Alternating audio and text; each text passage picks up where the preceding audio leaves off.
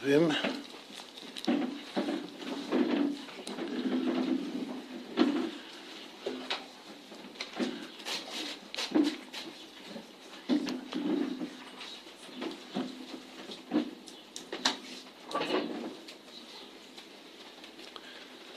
אנחנו למדנו מאמר של הרבי, הפסוק בסוף פרשת שבוע. כתוב, ועבד הלוי הוא את עבודת אוהל מועד. והקושה הפשוטה שהמילה הוא לכאורה מיותרת.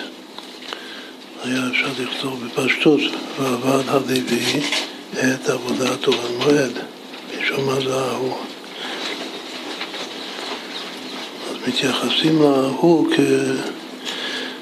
כי עיקר הדגש והחידוש בעבודה של הלוויים מעבד הלוי הוא, כאילו, עד כאן אפילו לא מצטטים את ההמשך, את עבודת אוהל מועד. קודם היה כתוב לגבי הכהנים, גם כן פסוק יסודי, מה העבודה של הכהנים. כתוב עבודת מתנה אתן את כהונתכם.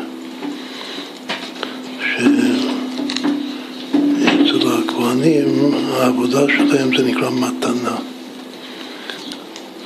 ואצל הלוויים העבודה, כאילו הגדר של העבודה של הלוי זה, זה בתוך המילה הזאת הוא, לשון נסתר. כלומר שיש לו עבודה נסתרת. מה זה מתנה? אז האדמו"ר הזקן מעריך בתניא, המקום הכי חשוב זה ההקדמה של החלק השני של התניא, זה של האיחוד ואמונה, שם יש הקדמה מיוחדת שיש לו גם שם מיוחד, חינוך קטן. ושם הוא מסביר ש... שבעבודת השם יש עבודת הצדיקים, בעבודת ה... משהו עתיד להגדיר את זה ב... בחלק הראשון של התניא. החלק השני היה אמור במחשבה של אדמו"ר הזקן להיות קודם. והחינוך קטן היה אמור להיות כל כך קודם, שאפילו לא יודעים את ההגדרות הבסיסיות של התניא. ושם כתוב שיש שתי עבודות, שתי עבודות, שתי בחינות של אהבה. יש אהבה שהיא מתנה מן השמיים, שהיא באה היום. בא לאדם בדרך ממילא, אחרי שהוא, שהאדם הצדיק בעצם הוא שלם בחלקי הנשמה שלו ויש לו הרבה מעשים טובים. ואז הוא זוכר שמן השמיים נותנים לו אהבה כמתנה. שמתנה זה דבר שגם לא, לא ממש מגיע, זה לא שכר אבל זה מעין עולם הבא. הצדיק הוא בחינת שבת, ששבת זה מעין עולם הבא, והוא תואם את המתנה של אהבת השם, אהבה גדולה מאוד, אהבה בתענוגים. מה יפית ומה נעמת אהבה בתענוגים. והאהבה הזאת שהוא מקבל מלמעלה בדרך במילא, זה קוראים לזה עבודת מתנה. ככה מסביר אדמון הזקן, גם שמה וגם בעוד כמה וכמה מקומות בספר התניא, זה אחד מהיסודות של התניא. לעומת זה יש עבודה שנקרא עבודה אהבה עשויה, שזה, הפסוק אומר שלאהבת השם, סוף הפסוק זה לעשותה, שצריך לעשות, אז הוא שואל שואל שאלה פשוטה, אבל לא עושים לכאורה, זה לא מצווה מעשית שעושים בידיים כמו שאר המצוות, אז מה זה לעשותה?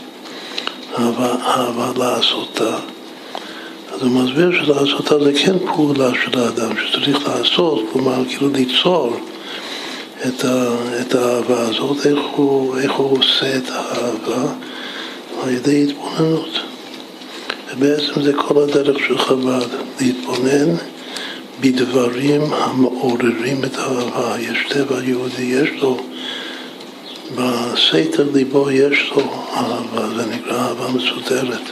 כל יהודי, רק צריך להוציא את זה מן הכוח אל הפועל, מן ההיעלם אל הגילוי, זה נקרא סוד החשמל בקבלה וחסידות, שקודם זה חש, זה נעלם, וצריך שזה מול, להוציא את זה מולי, זה עמל, שזה הגילוי. ואיך הוא עושה את זה, את החשמל הזה? על ידי התבוננות. ההתבוננות הזאת זה, זה מצווה מעשית.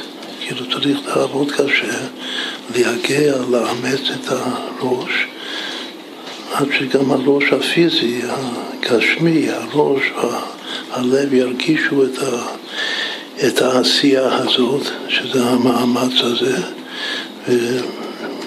ובעזרת השם, שאם אדם באמת משקיע מספיק כוחות נפשיים, אז הוא יצליח ודאי, כך הוא גם מסביר בתניא.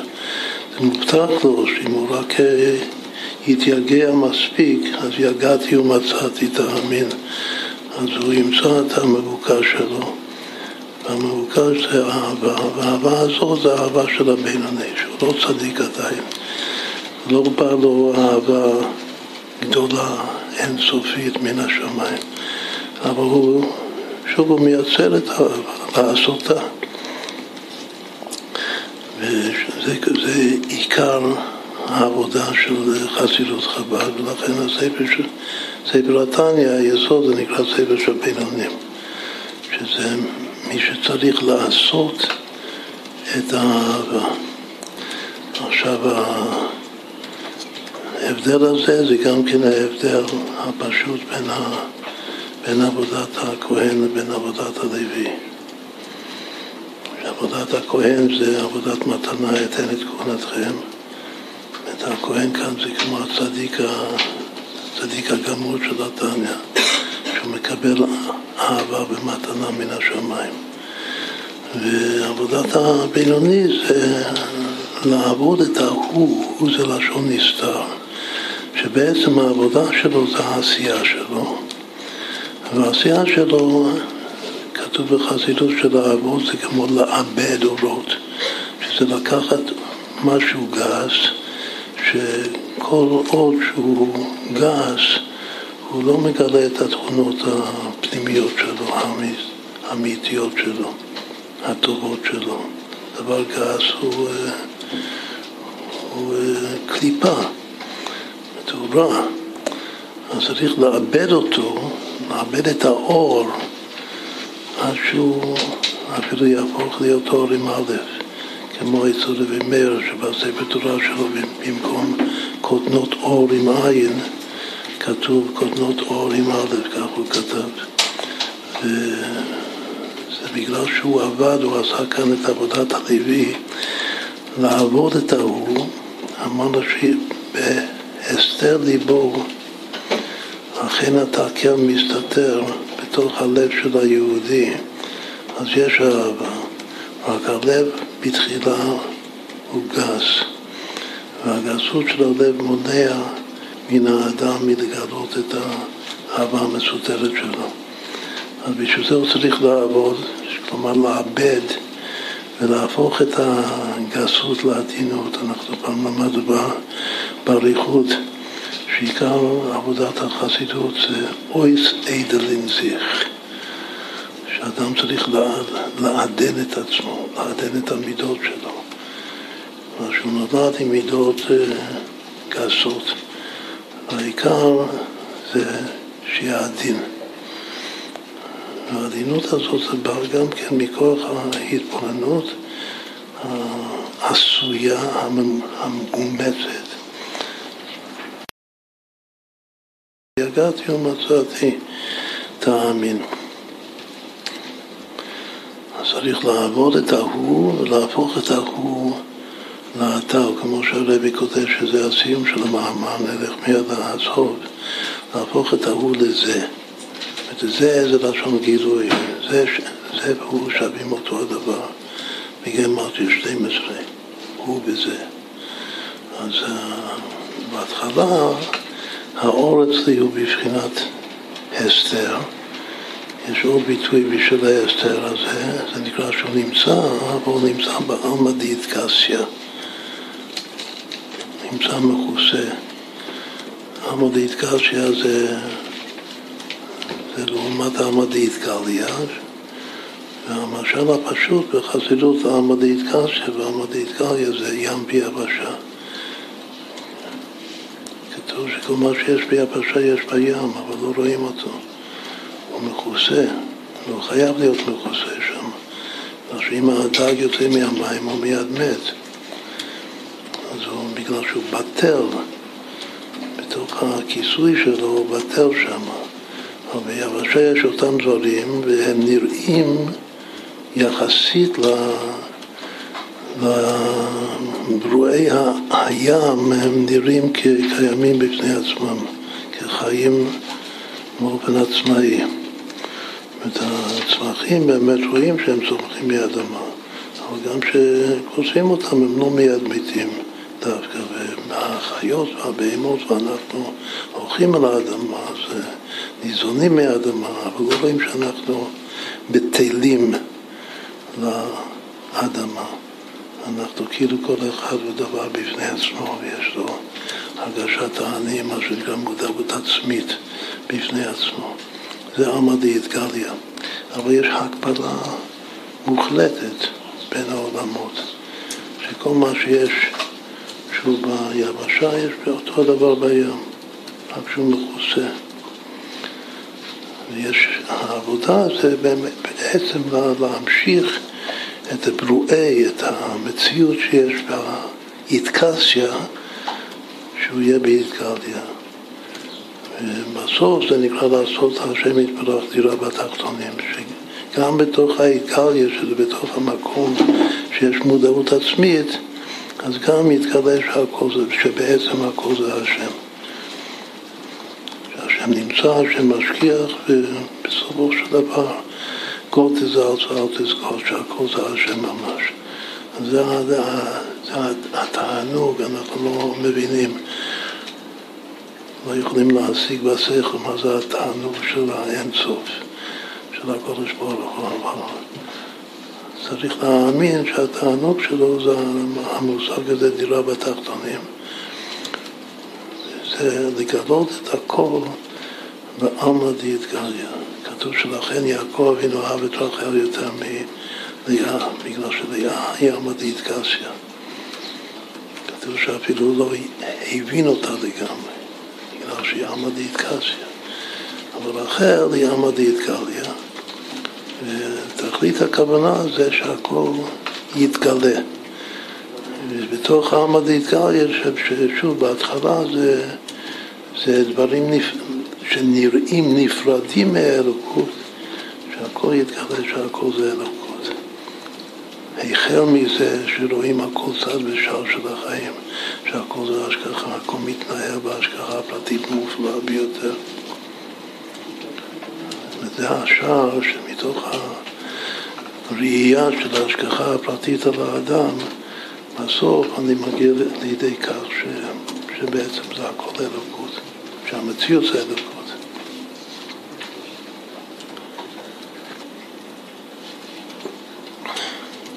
אז כל זה זה הקדמה.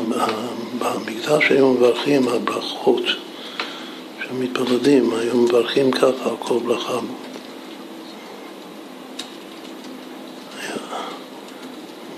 ברוך, ברוך היה, ברוך, ברוך השם, אלוקי ישראל מן העולם ועד העולם. ככה היה מטבע הברכה. כל ברכה, היו אומרים מן העולם ועד העולם. הפשט הוא שהעולם הראשון זה העולם הזה, והעולם השני זה העולם הבא. בזמן בית שני כבר היו אה, סתוקים ובייתוסים שהם לא האמינו בתורה שבעל פה, וממילא גם כן לא האמינו בעולם הבא, בתחיית המתים. ולכן אה, חז"ל בבית שני תיקנו לומר כל ברכה מן העולם ועד העולם. כלומר שגם העולם הזה וגם העולם הבא, יש שני עולמות.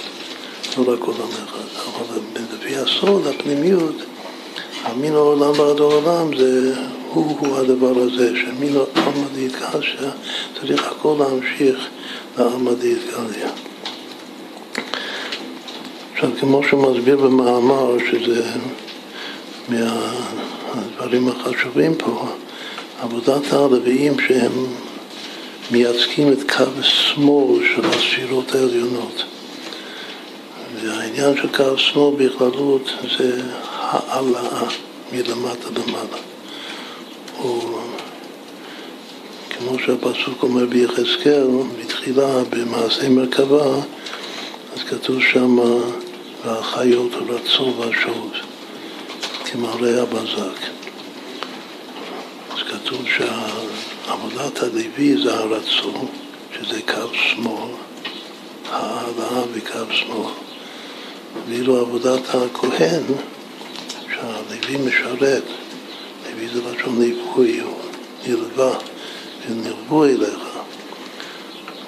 הוא מתלווה לכהנים, משרת את הכהן, כלומר שותפה לכהן, הוא נכלל בתוך עבודת הכהן. ככה זה בעולם הזה, כמו שנסביר. בעולם הבא זה כבר מתהפך. אבל uh, הלוי הוא ההעלאה והכהן הוא ההמשכה. התכלית של ההעלאה זה לא להישאר למעלה, השם לא רוצה ש... שהאורות יסתלקו מן הכלים ויישארו בשורש שלהם למעלה, זה לא, לא זו הכוונה. הכוונה של בריאת העולם זה שכמו שאמרנו קודם, להמשיך את הכל, שהכל יתקבל למטה. שעיקר ההמשכה זה על ידי הכהן, אבל הלוי צריך להיות מודע שהוא משרת, הוא מלווה את, ה, את הכהן, גם בעבודת השיר שלו הוא מלווה את העבודה של הכהנים. לכן עבודת השיר, עיקר העבודה של הכהנים, של הלוויים בבית המקדש זה לשיר, בשירה וזמרה. אז אנחנו uh, מתקרבים לג' תמוז, שזה יום שחושבים על הרבי, מתקשרים לרבי. אז אנחנו יודעים שהמילים האחרונות שהרבי אמר, כאשר הוא דיבר, היו ברוב שירה וזמרה. אז הרבי אהב שמחה, הרבי הוא רבי שמח כמו רשב"י, והוא רצה שנשיר, שחסידים ישירו וירקדו וישמחו בעבודת השם, ובעצם התנועה הנשית העבודה הזאת של ברוב שירה וזמרה זה עבודת הלוויים. לאבא של הרבי יש לו שם לוי מובהק, קוראים לו לוי, לוי יצחק. השורש של לוי בן האבות זה יצחק, שזה גם קו שמאל. זה הצירוף המיוחד של שמו של אביו של הרבי, לוי יצחק. והרבי גם כן בעצם ממשיך את, ה, את המעלה, אמרנו שלעתיד לבוא, כתוב גם בסוף ספר יחזקאל. אריזה מקשר יחד את ההתחלה של ספר יחזקאל, שזה מעשי מרכבה, לבין הסוף של ספר יחזקאל, שזה בית המקדש השלישי, התיאור המפורט של ביאת משיח ומשיח יבנה מקדש. ואיך זה יהיה שם, שזה כמה וכמה פרקים ארוכים, ושם כתוב הפסוק הזה, והכהנים הלווים בני הצדוק בחודש, מאותו פסוק והכהנים הלווים לומד האריזל שלעתיד לבוא המצב יתהפך, שהכהנים יהיו הלווים, הלווים יהיו הכהנים, כלומר ש... או שהלוי ילווה את, ה, את הכהן, כמו בעולם הזה, אלא ממש הפוך. איך אני יודע שיש סדר הפוך בליווי? אז שכהן ולוי זה כמו איש ואישה. מה זה השם לוי? מאיפה זה בא, לוי?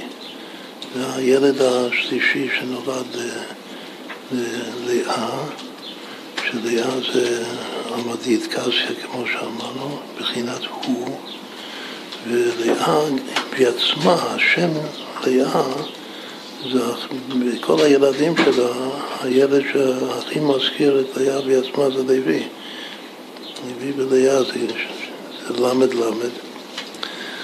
האות למד זה אות ההוא, אז זה השתים אצלי באלף בית. זה מספר הסידורי, הערך של הלמד זה הוא. אז יש לוי, ו' י' זה אותיות של להביא, שזה לא עיקר במילה. השם לאה וגם השם לוי בעצם זה למד. זה למד ולמד, שיש למד ולמד. יש את הלב היהודי כידוע. למד מול למד, פנים בפנים. והיא שוב, היא קוראת לילד השלישי של הלוי, והיא מסבירה את עצמה מה הנימוק ש... שהפעם ילווה אישי אליי. אז מה זה הפעם ילווה אישי אליי? לא שהרי האישה היא העזר כנגדו. האישה היא מלווה את האיש. אבל היא אומרת שאני קורא לו לוי בגלל שעכשיו בעלי אישי, ילווה אישי אליי, כתוב שבעולם הזה קוראים לו בעל, שאת מתחתנת. אבל אם את כבר בעולם הבא, כמו שהרבי אומר שצריך לחיות עם משיח, אז לא קוראים לו בעל יותר, לא בעלי, רק אישי. וכאן זה הפעם ילווה אישי אליי, אז זה מצב של לעתיד לבוא. ואז מתקיים, יש עוד פסוק במשלי, כתוב מגדל אור שם השם, בו ירוץ צדיק ונזכר. המגדל אור שם השם זה המלכות האישה, ששוב בעולם הזה היא תפילה. היא עוזרת, היא מלווה את האיש. אבל אה, לעתיד לבוא בו ירו הצדיק, הצדיק זה היסוד, שזה האיש. ומה שיתגלה, יתגלה לא לאיש, השורש של האישה זה הרבה יותר גבוה מהשורש שלי, זה מה שהרבי מסביר במאמר שיש אורות וכלים. והשורש של הכלי, של הכלים, זה דווקא באור האינסוף שלפני הצמצום, שלא רואים את האור, מה שרואים בסוף זה כלי, אבל השורש של הכלי הזה זה מהמקום הכי גבוה בנפש, גם בנפש כביכול של כל העולמות, שזה אלוקות. כתוב שאמונה זה לשון מנה, מנה זה כלי, אמונה זה לא לשון אור, אמונה זה כלי. בארמית מנה זה כלי. זה השורש המילה אמונה. אז ברגע שהצדיק מרגיש שהאישה יותר גבוהה ממנו, אז כתוב בו ירוץ, הוא רץ, הוא בטל, הפעם ילווה אישי אליי. האיש כבר מלווה את האישה.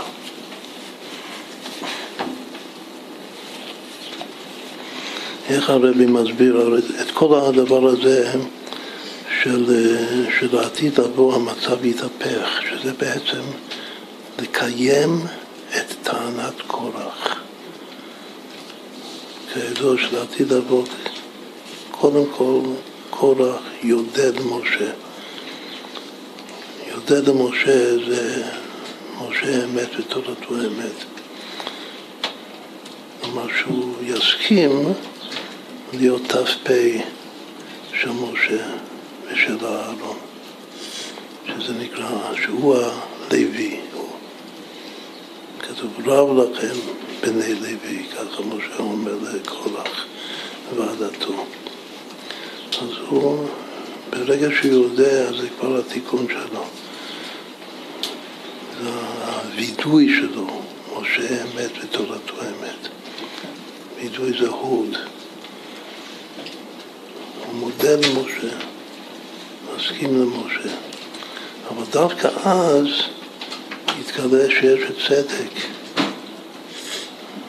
ואמת, ולא סתם אמת, אמת אמיתו בתוך הטענה שלו, שכל העדה כולם קדושים ובתוכם השם. תתנסו מה, מה יכול להיות הצדק?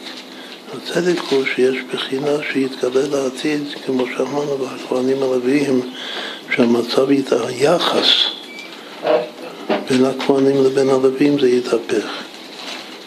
אז הכהנים ישתו את הלווים.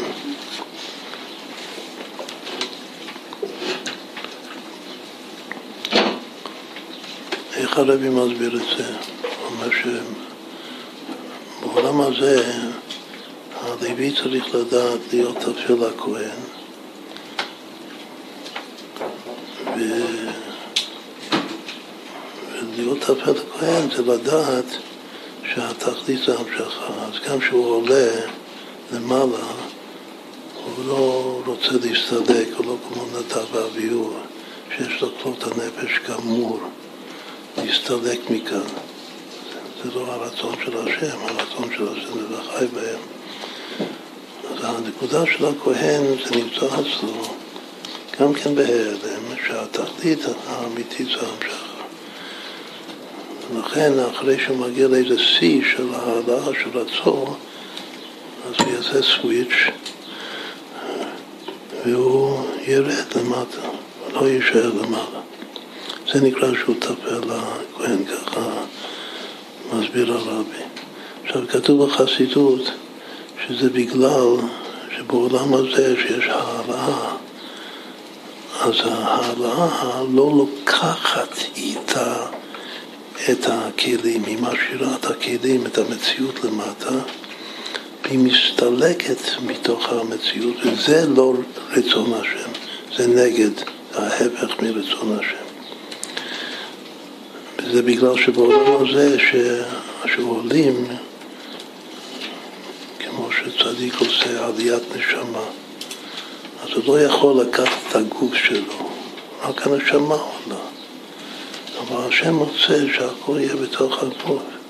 גם תחיית המתים זה בתוך הגוף, זה להחיות את הגוף. זה מצב נצחי לפי הקבלה. לא עוזבים את הגוף.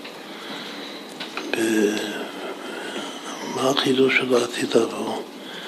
בעתיד לבוא כתוב שיהיה אפשר לעלות ולקחת את הגוף. כאילו שהכל עולה, כל העולמות עולים. בחטא אדם הראשון כל העולמות נפלו, ירדו למטה, לתהום,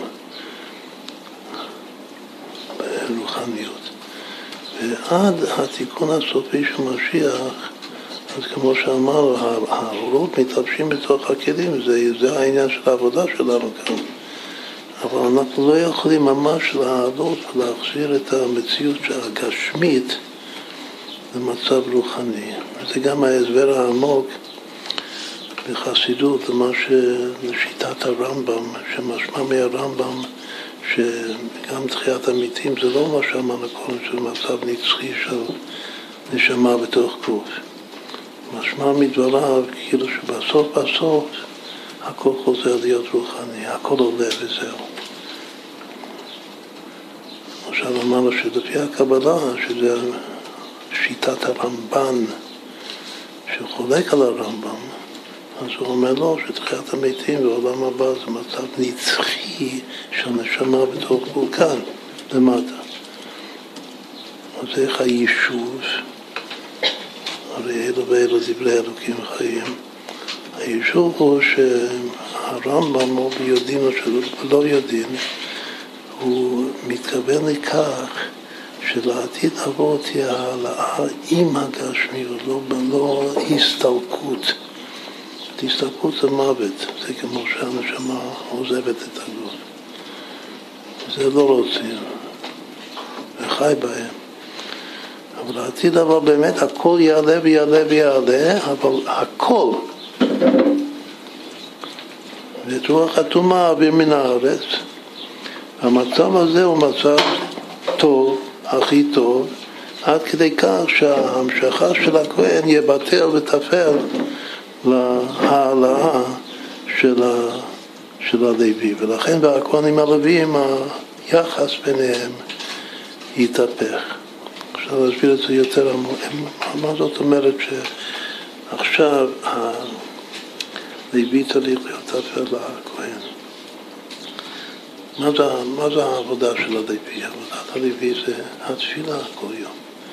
על שלושה דברים העולם עומד, התורה, על העבודה ועל גמילות חסדים. בזמן בית המקדש, אז עבודה זה עבודת הקורבנות. בזמן הזה, עבודה שבלב זו תפילה. העבודה היא בלב, והעבודה הזאת זה להתפלל לשם. זה עבודת הלוי, להתפלל. אז מה הכוונה ש... שזה צריך להיות טפל לכהנים? מה זה הכהן? כהן הוא, הוא איש החסד, הוא קו ימין. להתפלל זה קו שמאל. והכהן הוא איש החסד, מה זה חסד? חסד אהבה. לכהן יש אהבה גדולה, גם אהבת השם, אבל גם התכונה העצמית של הכהן זה קודם כל לאכול מה שהאהוב אוהב, כמו שהארצלוי כותב, הוא בא היום-יום, שזה תכלית אהבת השם. זה יותר גדול מאהבת השם, ייחוד, אהבת ישראל, שהוא אוהב יהודים. איך רואים את זה בסדר העבודה שלנו, שזה סדר התפילה שלנו? רואים את זה שלפני שאדם מתפלל בבוקר, להגיד בבוקר חסדך, אז דבר ראשון הוא צריך להגיד את החסד שלו בכך שהוא אומר, הרי אני מקבל עליי מצוות עשה שלי, אהבת לך כמוך. להתפלל זה, זה יחס לשם. כאילו, זה רק אני והשם, זה כמו התבודדות ביני לבין הקודש ברוך הוא. ולפני שאני מתפלל לשם, אני צריך קודם לחשוב על כלל ישראל כולם. צריך לאהוב את כולם באמת, ואם אני לא אוהב את כולם באמת, אני, כמו במאמר, שתכף נגיע לזה, אני פגום. אין לי כלים, אני חסר בעצם. ואז הקורבן שלי, שזה התפילה שלי, לא יהיה לרצון. את הפסוק אומר, תמים יהיה לרצון, ומסבירים את זה בחסידות שהתמים, להיות תמים, זה להיות תמים באהבת ישראל, להיות שלם. שאתה אוהב כל יהודי, בגלל שיש יהודי אחד, אפילו הכי רחוק ממך והכי לא בסדר, ואתה לא אוהב אותו, אז אתה פגום. לא שהחלק שלך יש התקלדות שלו בתוך עצמך. אם אתה לא אוהב אותו, אתה כאילו דוקר את עצמך. אתה מחסל את אותו חלק שלו, שהוא חלק שלך. בגלל שכולנו מקשה אחת, כמו המנורה הטהורה שלמדנו בפרשת בעלותך. אנחנו מנורת זהב, והכל זה מקשה אחת. ולכן, קודם כל צריך לקבל את המצווה של ואהבת לך כמוך. זה העיקר, זה היסוד, זה הכהן. תהיה אפשר להתחיל את עבודת הלוי לפני שאתה מגלה בעצמך את הממלכת כהנים שבך, שאתה כהן, שאתה אוהב, אתה אוהב את כולם. כל מישהו בשם ישראל יכונה, זה הביטוי. אחר כך, בזכות זה, אתה גם זוכה לאכול את הקודש ברוך הוא. בתפילה להגיע ואהבת את השם אלוקיך בכל לבבך ובכל נפשך ובכל מאודיך עד שישלהב את עולם מאליה בזכות אהבת ישראל. לכל אשר בשם ישראל יכונה, כתוב בזוהר שגם הקודש ברוך הוא יכונה בשם ישראל. שגם השם בעצמו יכונה, יכונה בצמרי. קורא לי עצמו ישראל. שם, שם שהוא מאמץ לעצמו, ישראל.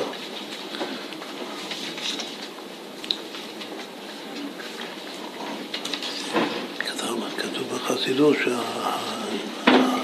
התכונה הזאת של הקדוש ברוך הוא, לכנות את עצמו בשם ישראל, זה מצד הלוי שבו, מצד השמאל שבו. מה שהוא בוחר בעם ישראל זה הימין שלו. מה שהוא מכנה את עצמו ישראל זה השמאל שלו. ומה שהוא מתפאר בעם ישראל, כמו אבא שמתפאר בבן שלו, ישראל אשר בך אתפאר, זה התפארת, זה הקו האמצעי שלו. אפשר לתת זוהר ארוך והסבר ארוך גם של האבא של הרבי וגם שיחה של הרבי הזה.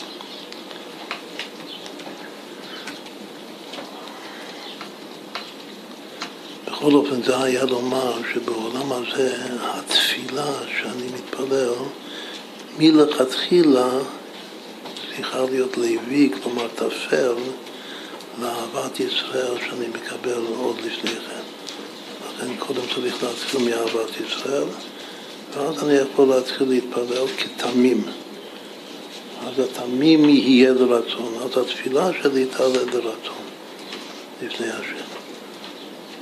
אחרת הקורבן, אני הקורבן. אדם כי יקריב מכם קורבן להשם, אני צריך להקריב את עצמי להשם. ואסור להביא בלמום. צריך לדעת מה זה תמים? תמים זה לא בלמום. בלמום זה פגום, זה פגם, זה חסר משהו. עכשיו, אם חסר לי אהבה ממש, אפשר לומר אהבה בוערת כאש לכל יהודי, אומר לרצון להיטיב בפועל, בכל הזדמנות, שאני לוקח כל להיטיב עם יהודי, אם אני חסר את זה, אז אני בעל מום, אז אני לא יכול להתפלל, לא יכול להקריב את זה. כל זה, זה נקרא שה, שהלוי, התפילה, תפילה ומשרתת בעצם את המוציאה לידי תוציא לידי פועל.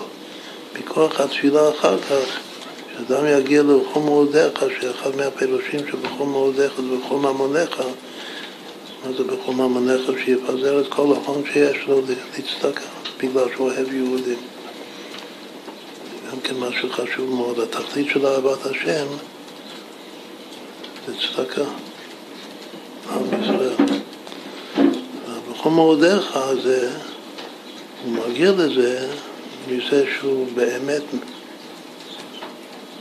מקבל על עצמו את ואהבת לך כמוך, עוד לפני שהוא מתחיל להתפלל. אבל מה זה שלעתיד לבוא זה יתהפך? איך זה יכול להתהפך? הכהנים הלווים שיבוא משיח. מה יש שיבוא משיח? קודם כל, שיבוא משיח אז הכל יהיה טוב בגשמי. כמו שהרמב"ם אומר, שהמעדנים מצויים כעפר, וזה ימים אשר אין לי בהם חפץ, חפץ המצוות, בעיקר המצווה המעשית הצדקה, והנה לא, לא כל כך צריך לעשות צדקה, לתת צדקה, לא יהיו עניים, לא יהיה בך אביון.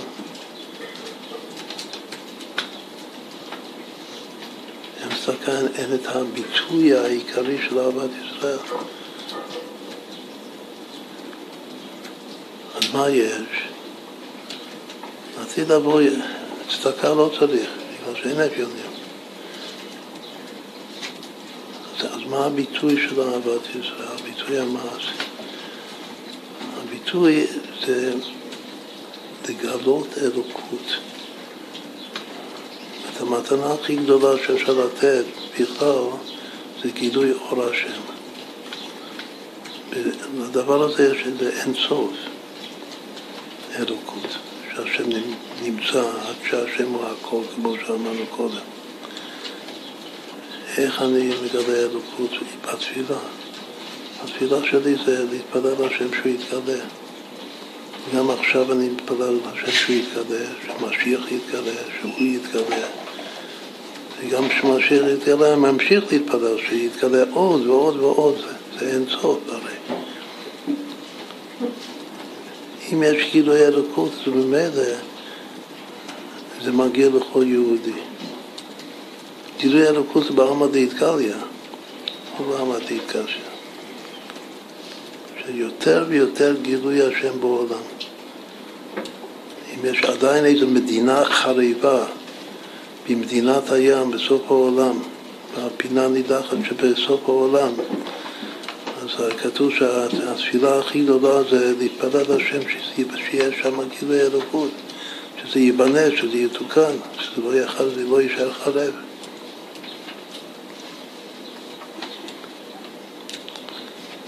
זה גם כן אחד מהפסוקים והעניינים שהרב מביא במאמר הזה, זה וימלא החריבה.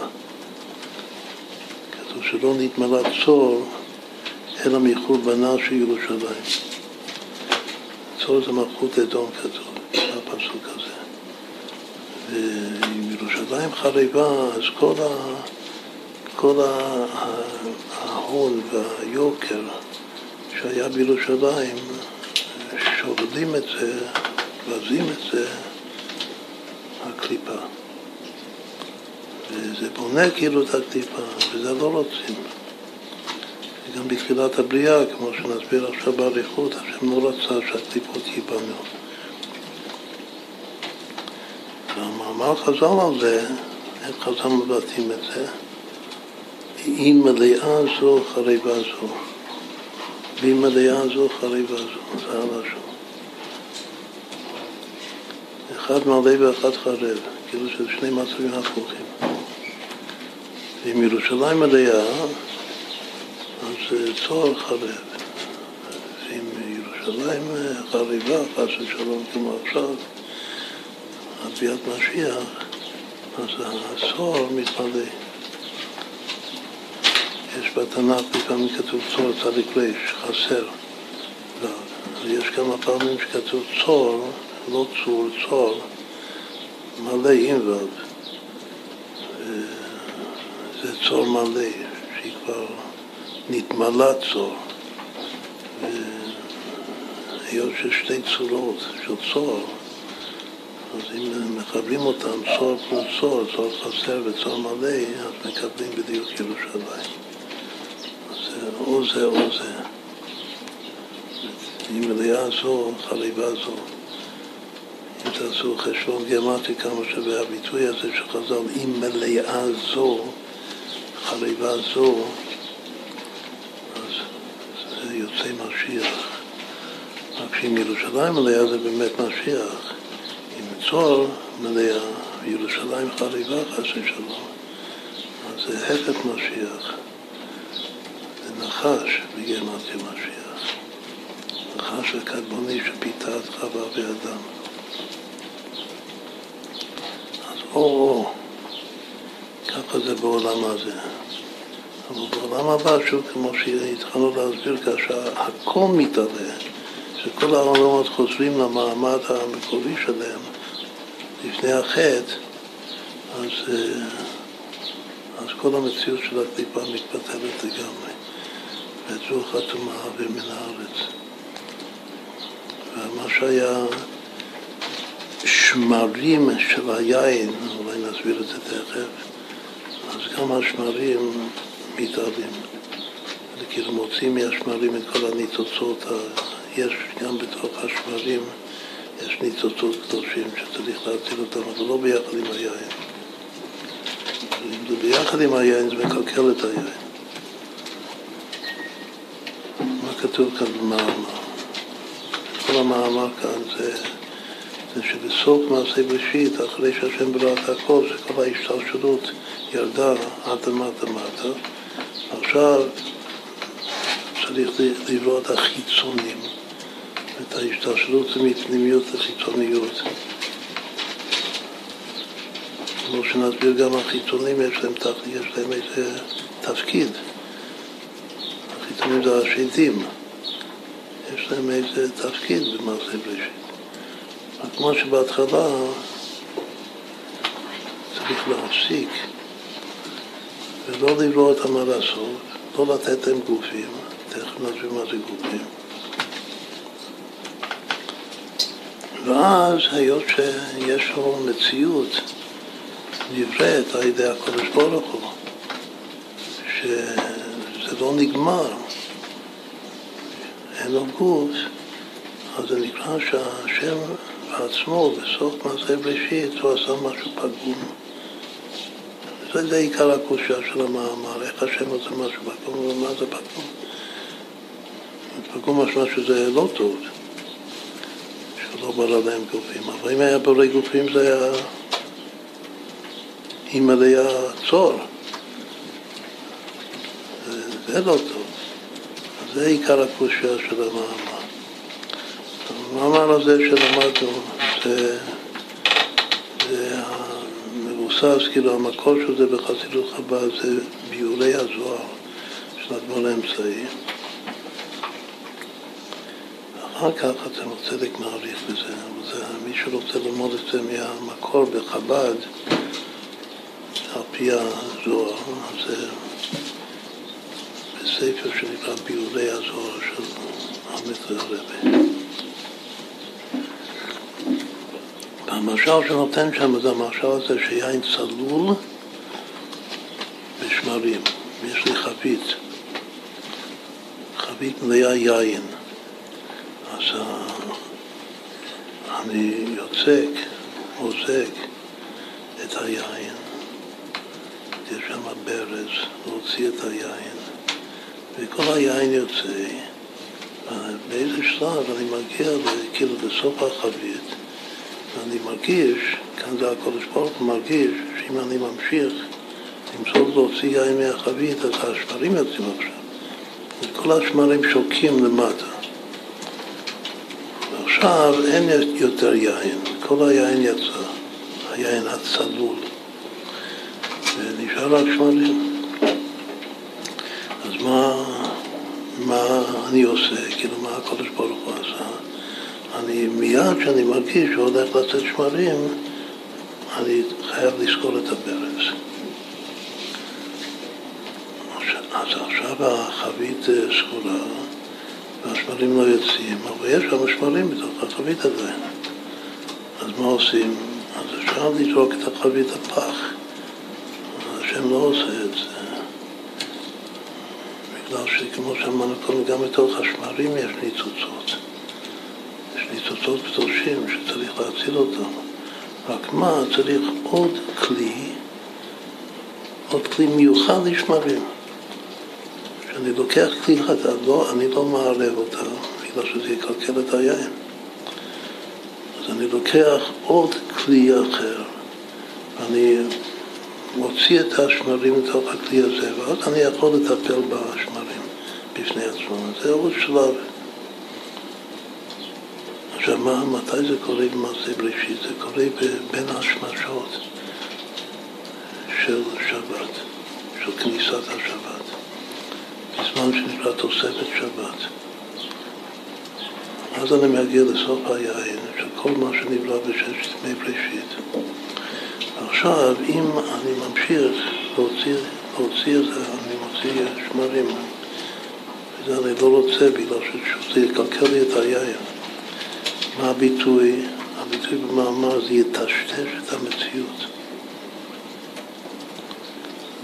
את הרוחות האלה, זה שהרוחות כן יוצאים מהשדים, זה כאילו סימן שעכשיו, אם אני ממשיך להוציא, שזה בעצם לברוא להם גופים, אז, אז זה יכול לקלקל לי, לטשטש לי את הכל. אז מה אני עושה? אני סוגר את הברז, מה זה לזכור את הברז? לזכור את הברז זה הפסוק ויחולו השמיים והארץ וכל צבאם שלהוציא יין זה אור ישר זה לא הוציא ולהוציא, זה השתלשלות מלמעלה למטה זה ויחולו השמיים והארץ צבאם שזה נגמר ועכשיו במקום אור ישר, הכיוון מתהפך, יש אור חוזר.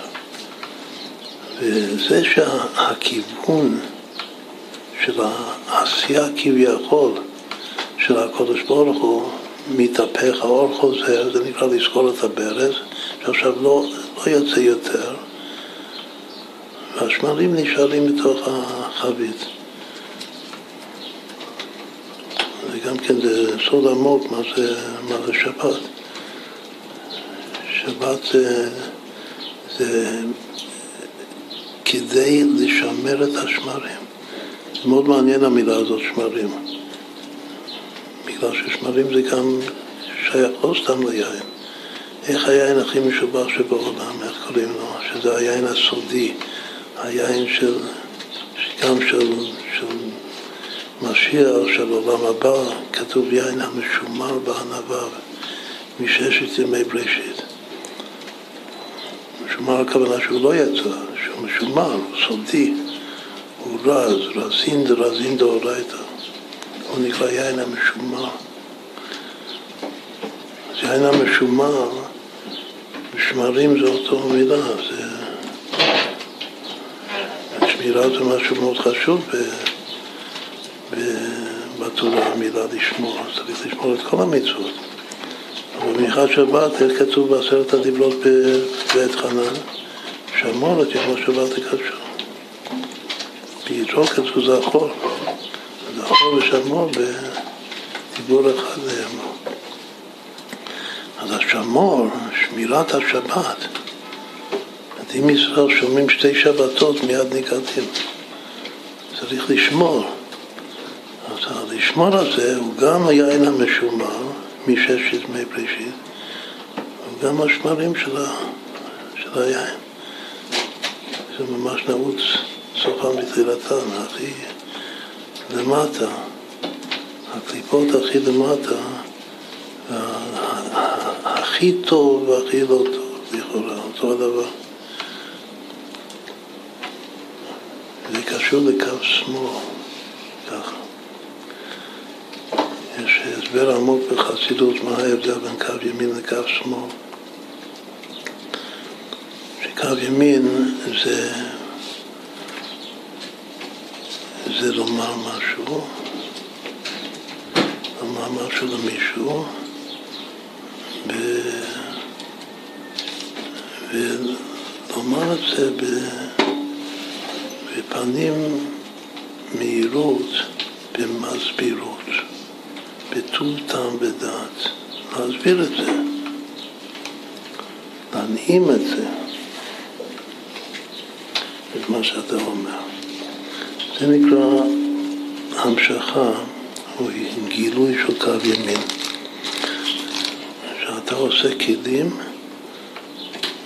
נעימים, כמו דרכיה דרכי נועם, וכל נתיבותיה שלום.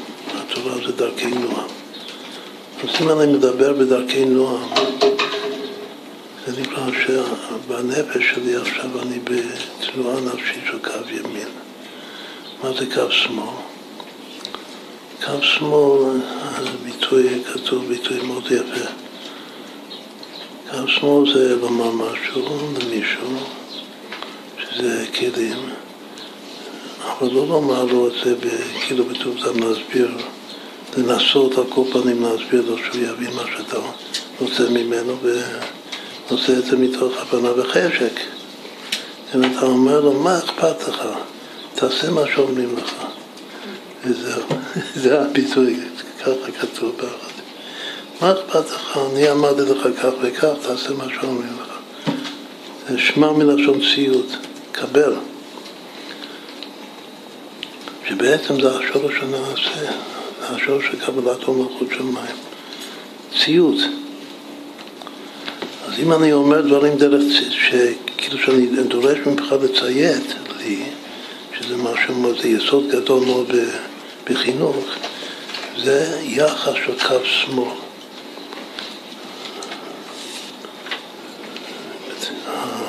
המורה בכיתה אבל אם המורה והמורה והרבי מסבירים פנים, זה נקרא פנים מסבירות, יש, יש פנים נהירות, פנים צוהלות, פנים צוחקות, יש כל מיני ביטויים של פנים. ואחד מהם זה נקרא פנים מסבירות. כאילו זה כנראה זה ביטוי בפנים, שיש שם רצון טוב להסביר. שהדברים יתקבלו לא סתם בתור תציית לי, אלא בטוב טעם ודעת, אם זה מתקבל בטוב סתם ודעת, אז אתה בעצמך רוצה, מעצמך, לא בגלל שאמרתי. זה כבר נשמע. כתוב שזה הסוד שנעשה ונשמע. שנעשה זה, זה, זה, זה קו שמאל, נשמע זה כבר קו ימין. כתוב גם בחסידות של העתיד לבוא, שיבוא משיח, אז גם, גם הסדר יתהפך שם, הכל מתהפך. שקודם יהיה נשמע, עוד לפני נעשה. בגלל שהאדם יקבל את התורה בטוב טעם, לכן אחר כך באמת לא אכפת לו מה שיאמרו, יעשה את הכל. אז זה, זה כבר נשמע ונעשה.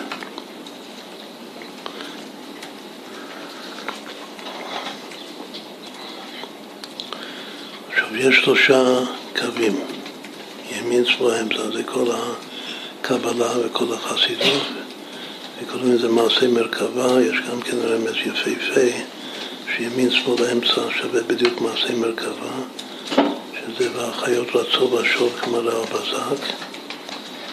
כתוב שיחזקאל הנביא, אחרת משאר הנביאים, הוא משורש קין, שזה קו שמאל. יחזקאל הנביא. גם חזקיהו המלך, שגם מלשון חוזק, את הנשמות הגדולות מלשון, שהשם שלהם זה מלשון חזק, חוזק, הם מקו שמאל. אז האריזה אומר שזה גם חזקיהו המלך וגם שהוא ראוי להיות משיח, אם היה אומר שירו, היות שהוא שייך לקו שמאל. אז עיקר הפגם שלו שלא אמר שירה. כמו הלוי, על הנס שהשם עשה. ולא שירה וזמרה, דיברנו קודם, המילים האחרונות של הרבי. כתוב ששירה זה בפה וזמרה זה בכלים, בכלי נגינה. ובתורה זה נקרא עבודת עבודה, שזה עבודה בשביל עבודה אחרת. כלומר שזה עבודת תפילה לעבודת הכהנים, שהם מקריבים את הקורבנות. שזה עיקר העבודה. אבל שוב לעתיד אבל זה יתהפך. כל בית המקדש זה יקרה בתוך בית המקדש, זה שהשירה שלו בבית לוי יותר גדול ויותר חשוב מהקורבנות של כל העבודה של הכהנים. לכן העיקר, כמו שהרבי אמר, העיקר זה רק לא שירה וזמרה. הוא בקבלה, עיקר הפעילות שלו זה בינה, ספירת הבינה. אנחנו יודעים שהפנימיות של הבינה זה אם הפנים סמיכה.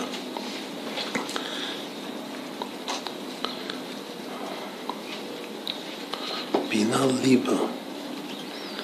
מצד אחד בינה זה, זה להשיג ולתפוס, מצד שני זה רגש, זה לב, חוכמה מוכר. מן הליבה. כתוב משה שהוא בא מה, מן המים משיתיו, שזה החוכמה, אבל הוא זכה לבינה, שזה העולם הבא שלו, של משה רבנו בעצמו, הבינה, השמחה. איך רואים הפעם הראשונה התהפכות בין כהן לבין לוי? זה אצל משה ואהרון. כתוב, הנה אהרון אחיך הלוי. אהרון היה ראוי להיות הלוי ומשה הכהן. אבל בגלל שמשה לא קיבל את השליחות בשמחה ובטוב לבב, כתוב ששליח בגמטיה שמח. והוא אמר שלח נביא תשלח, לכן הוא הפסיד, וזה התהפך. מה שאהרון אחיך הלוי היה ראוי, צריך להיות לוי, עכשיו הוא יהיה הכהן ואתה תהיה הלוי, כמו שכתוב בדברי הימים, ומשה איש האלוקים בנה ויקראו לו שבט הלוי. אז גם בפסוק הזה של ביעבד הלוי הוא, שהוא זה בינה, זה משה זכה לבינה הלוי בה"א הידיעה מי זה הלוי. לא כתוב עבד לוי, כל הלווים, או לוויים, כמו בכל מקום, כתוב עבד הלוי. מי זה הלוי הזה? זה משה רבנו. מה העבודה שלו? כתוב שמשה מן המשוררים. העבודה של משה רבינו היה לשיר. ציור של משה רבינו שלא הייתי חושב. איך הוא ידע כל כך טוב לשיר? שהוא מן המשוררים. בגלל שכתוב שהוא היה יודע את הניגון של כל נשמה הוא נשמה כללית. את הצדיק הרבי, הצדיק הגמור, הוא נשמה כללית. מה זה נשמה כללית? שהוא קשור לכולם. איך הוא קשור, איך הוא, איך הוא תופס את כולם, איך הוא מקיים את התמים שלו, לאהוב את כולם. אפשר לחשוב שהוא מבין אותם בשכל, לא, הוא מרגיש אותם בלב. ומה הביטוי שהוא מרגיש אותם בלב? שהוא שר את הניגון שלו, שהוא יודע את הניגון, לכל אחד יש ניגון סודי. זה הניגון שלו. כתוב שכל העולם הזה זה לחפש את הניגון שלך. ומשה רבינו הוא באופן אינטואטיבי, הוא, הוא מסתכל עליך לא, לא שהוא מבין אותך בשכל, הוא מסתכל עליך מעצמו מתחיל להשאיר את הניגון שלך. כי זה מתעורר אצלו, בתוך הלב שלו, את הניגון שלך. לכן הוא מן המשוררים, זה עיקר, עיקר העניין שלו. והוא הלוי, הוא עובד את ההוא, הוא מעדן את, ה, את כל הגסות שיש במציאות. החל מהגסות של המדבר, מדבר העמים, עם הנחש ושרף. הוא יכול לתקן את זה, לאבד את זה. זה רשוב, אז ביחזקאל הוא משורש קין, שזה השמאל. משורש הלוי, ובעולם הזה, היות שהוא גם חטא, הוא הרג את הבל שהוא הימין. אז הוא חייב להיות טפל להבל. אבל כשהכל יתוקן, אז הוא יקבל בחזרה את הבכורה. הרי בכל אופן קין הוא הבכור. רק שהוא הפסיד את זה, בגלל שהוא חטא. זה עתיד לחזור, ומי שהרגיש את זה, מכל הנביאים, מי שיכול לתאר בדיוק את העתיד, יותר טוב מכולם זה יחזקאל. זה שוב, זה הפרקים האחרונים של זה ביחזקאל. תיאור מפורט, נבואה מפורטת של בית המקדש השלישי, ואיך זה מתחיל מעשה מרכבה. ומעשה מרכבה, שזה הדבר הכי עמוק, הכי רז, רזין דרזין דאורייתא, בתחילה, הפסוק העיקרי שם זה והחיות והצוף השור. שכל החיות שיש בעולמות של הצור והשור זה שמאל ימין. הצור זה שמאל ושור זה ימין, ואם יש שמאל ימין ביחד יש גם אמצע שמחבר אותם ביחד, מווסת אותם, מקיים את התנועה של הרצון והשור זה האמצע. יש חיות ויש קיום, כמו חי וקיים. דוד מלך שזה חי וקיים. אז עצם החיות זה רצון ושוב, זה, זה שזה לא יהיה חד פעמי, שזה ימשיך. והרצון והשוב זה, זה, זה נקרא הקיום, לקיים את הרצון והשוב, לקיים את החיים. זה על ידי הקו האמצעי. אז יש ימין, שמאל, אמצע. בגימטריה מעשה מרכבה, זה כל התורה כולה, ימין שמאל באמצע. מה ראשי תיבות של ימין שמאל באמצע? יישא. יישא השם פניו אליך וישם לך שלום. הברכה השלישית העיקרית של ברכת כהנים. יישא ברכה מאת השם. כמה פסוקים מאוד מאוד חשובים בתנ"ך של עם המילה יישא. נשיאת כפיים. אבל יישא זה להרים, זה אהבה. עכשיו יישא זה בדיוק הראשי תיבות ימין, שמאל גם עם סין, לא עם שין, יישא, שמאל זה סין, וא' זה אמצע. כמה שווה ימין שמאל אמצע בלי הראשי תיבות. הראשי תיבות זה 311, יישא. הכל ביחד זה 682, שזה מעשה מרכבה, ימין שמאל אמצע.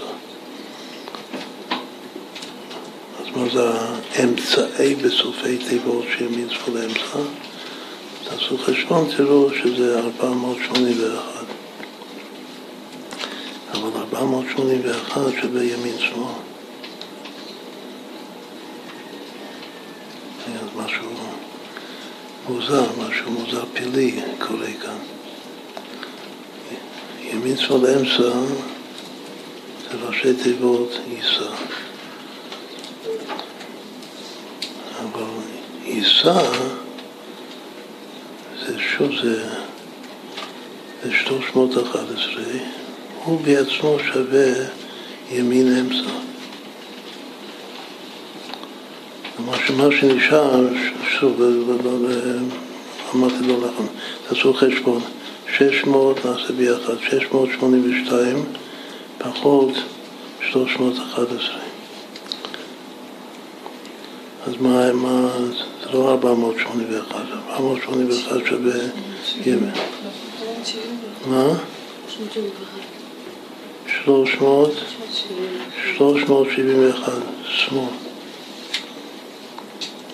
אז אם, אם האמצעי בסופי תיבות שווה שמאל, שגם דרך אגב, למה השמאל, מהשמאל יוצא הסדרה אחלה, השדים והרוחות?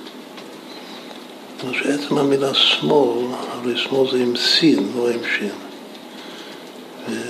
בעברית בלשון הקודש שסין וסמך מתחלפות.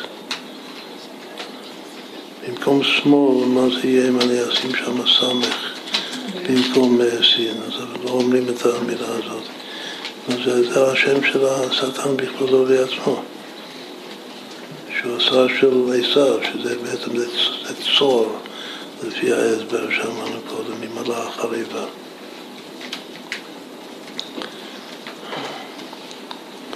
זה השמאל. אז רואים שכאן ברמז הזה, יפהפה של יישא, יישא השם פניו אליך, אז היישא, שזה 311, הוא שווה ימין אמצע. הימין והאמצע זה הולך ביחד.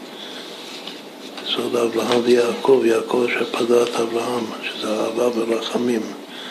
זה כמעט אותו הדבר. הרחמים תומכים ומחזקים את האהבה, כי מבואר בתניא פרק ל"ב. והשמאל, שזה עמידה הופכית, או שזה יראה לעומת אהבה, או שזה שנאה. לפעמים כתוב שמצווה זה, זה אהבה, שנאה ורחמנות. כתוב בחסידות. אוהבי השם שינו רע. זה כוח בנפש, זה כוח חשוב בנפש, לשנוא משהו. מה שאסור, אסור לשנוא יהודים, לא תשנא, כתוב. לשנא ואהבת רעך כמוך. לא תיקום, לא תיטור ואהבת רעך כמוך.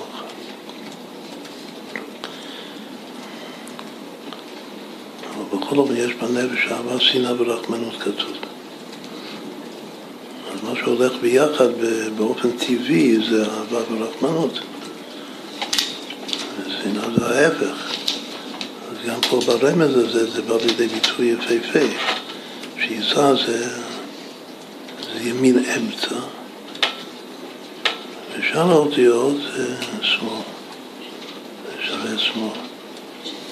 עכשיו נראה עוד, אם כבר אנחנו עוסקים בימטיות יפות, יפהפיות לענייננו, זה יש עוד משהו יפהפה, ש... כאן במאמר עיקר המילים זה העלאה בהמשכה, וכך זה בכל החסידות, בכל מאמרי החסידות. הצמד הזוג הזה של ביטויים, העלאה, המשכה. כמה שווה העלאה? ה' עין ל"א ה'. זה שווה העלאה. כמה? מה? 111. א', פלא. מה זה 111? כמה? כאילו מה המרכיבים הראשונים של 111. א', זה שלוש פעמים, מה? 111, העלה, זה שלוש פעמים 37. 37 זה יחידה. 37 זה, זה הראשוני ה-13, זה מספר מאוד חשוב. היחידה שבנפש. תכף נסביר את זה. אז העלאה שווה שלוש פעמים ביחידה, שלוש פעמים 37. כמה זה המשכה? 370, אבל גם כפולה של 30, זה עשר פעמים 37. אז מה היחס בין העלה לבין המשכה? זה יחס של 3, 37 ל-10, 37, 3 ל-10, אז מה, כמה זה ביחד? זה 13, 37. אמרנו ש-37 הוא המספר הראשוני לפי הסדר ה-13. אבל מה זה שווה לענייננו, מה שדיברנו הרגע? כמה שווה ימין שמאל?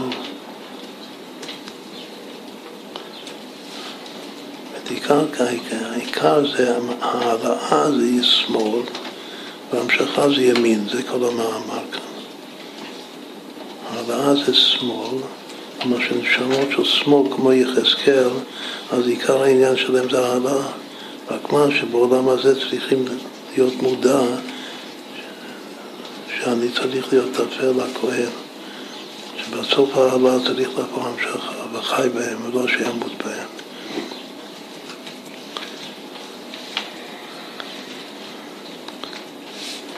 שוב, העלאה זה ימין, כמה שווה ימין שמאל? זה בדיוק, בדיוק אותו דבר. ימין, זה ממש גרמטיה פלילית למאמר הזה. שימין שמאל שווה בדיוק העלה, המשכה. לא רק זה, זה כמעט אותם מספרים. כמה זה העלאה? העלאה זה 111, כמה זה ימין? אחד פחות. כמה זה המשכה? 370. כמה זה שמאל? 371. זה צריך להתקזז, כן. זה אחד יותר. אבל כאן יש תופעה שנקרא, שנקראת החליפות זוכתיה, שזה הפוך. הייתי חושב שההעלאה צריך להיות. אבל ככה מוסבר, ההעלאה זה השמאל וההמשכה זה הימין. אבל ההעלאה שווה ימין, ההמשכה שווה שמאל. אז החליפות זוכתיה. משהו זה משהו מאוד מאוד יפה, השוויון הזה. אז יש את הימין והשמאל והאמצע, שביחד זה, הכל ביחד זה כמו האבות אברהם, יצחק ויעקב, יעקב אשר פדה את אברהם, ושווה בגימטריה מעשי מרכבה. שעיקר מעשי מרכבה זה הגילוי של החיות רצו בשוב, כמו רע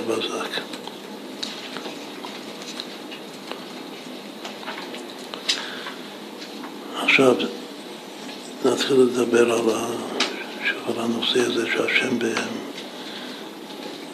אחרי שהוא ברא את השדים, אחרי ששפך את כל היין, עם השדים, עם הרוחות של השדים, כלומר הרוחניות שלהם. ועכשיו הוא תפס שהוא הולך לצאת כאן שמרים.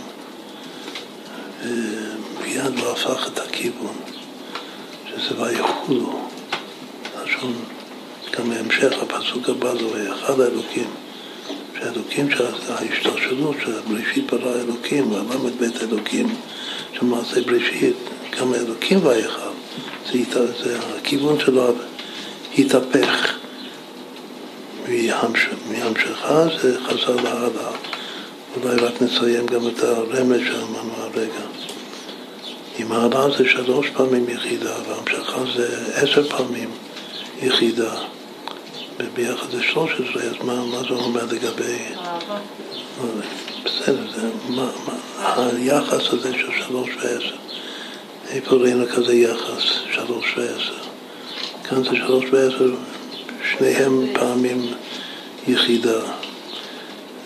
יש אה, משפט שמובא בספרי הקבלה בספר הפרדס של הרמק בשם רב חי עשר ידענו, שלוש עשרה לא ידענו.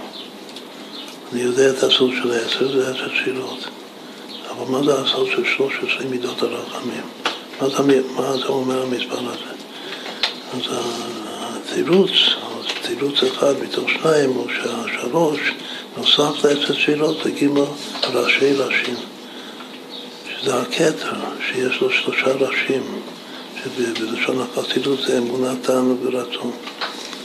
זה לא ידענו, שצריך לצרף את הכתר, למה? בגלל שהכתר זה המודע, זה אחד מהפירושים של הוא, כמו שנסביר.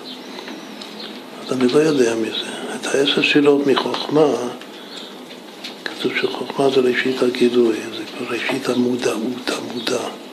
אז עשר ידענו, אבל שלוש עשרה ידע, אז מה זה אומר? יש עוד פירוש, מה זה העשר, שהעשר זה עשר תפילות, מה זה השלוש? זה לא למעלה מהעשר, זה דווקא למטה מהעשר. איזה שלוש זה למטה מהעשר? שלושת העולמות התחתונים, בריאה, יצירה, עשייה. יש עשר ספירות של עולם האצילות, ואחר יש עוד שלוש, שלושה עולמות. כנראה שגם אלו ואלו דברי אלוקים חיים. סימן ששלושת העולמות התחתונים זה חותם המתהפך ביחס לגימל ראשי ראשים של הכתר. כלומר שעולם הבריאה הוא משקף את הרצון שבנפש, ועולם היצירת התענוג שבנפש. ודווקא עולם העשייה, אף עשיתיו, מקום של חלון אף בעולם, הוא משקף את האמונה הפשוטה של הנפש. בכל אופן, מה זה אומר לנו בגמטיה הזאת, שהעלה זה שלוש יחידה, והמשכה זה עשר יחידה? לפי הפירוש הראשון שהוא העיקרי, שזה ג' ראשי ראשין, זה אומר שההעלאה מגיעה לג' ראשי ראשין. שבאמת המגמה, המטרה של ההעלאה זה להגיע לכתר. לעמודה, להוא, לכן לא עבר עלי ביור. הוא מגיע לשם. ומה זה המשכה? המשכה זה עשר, זה להמשיך דרך עשר תפילות. איזה תפילות החל מהחוכמה, שהוא ראשית הגילוי, העניין שלהם זה המשכה. המשכה זה מהיוד של שם הוואי, שהוואי בחוכמה עד ליוד, האות האחרונה של שם הדמות של המהות. השם בחוכמה יסד הארץ. אבא יסד ברטה. האבא הוא מייסד ומקיים את הבת דווקא, שזה המשכה, בלשון הקבלה, החוכמה אבא זה נקודה דנאיץ, נקודה שהיא נעוצה, כאילו יוד, שהיא נעוצה בכל הספירות עד למטה מטה. בספר יצירה יוד זה, יוד זה אות המעשה. מה חסר במילה שד? עכשיו נגיע למילה שד. שד זה כמו שם שקאי כתוב, רק שחסר לו יוד. הייתי חושב שיוד זה חוכמה, כאילו חוכמה עמוקה. ובאמת זו חוכמה, זו חוכמה בסוף. יש חוכמה בראש, שזה היוד של שם הוויה. יש חוכמה בסוף, שזה היוד של שם אדנות. שזה יוד מלשון היד, יוד זה פותח את ידיך, יודיך. זה היד שמחלק צדקה. הוא מסביר לך חי רצון. המעשה זה, והיה מעשה הצדקה, שלום. מה ההסבר כאן במאמר, במשפט אחד? אם השם היה בורא את הגופים של השדים לפני שבת, אז חוץ מזה שזה היה מטשטש את המציאות, כמו שהיה פה תערובת של טוב ורע, כמו אצל הטוב ורע, זה טשטוש. תכף נדבר, זה היה מטשטש את הנפש, את הנפש של הבן אדם. מה מטשטש את הנפש של הבן אדם? כוח המדמה שלו, דמיונות שווא, חרדות, פחדים, דמיונות. מה זה שדים? שדים זה דמיונות.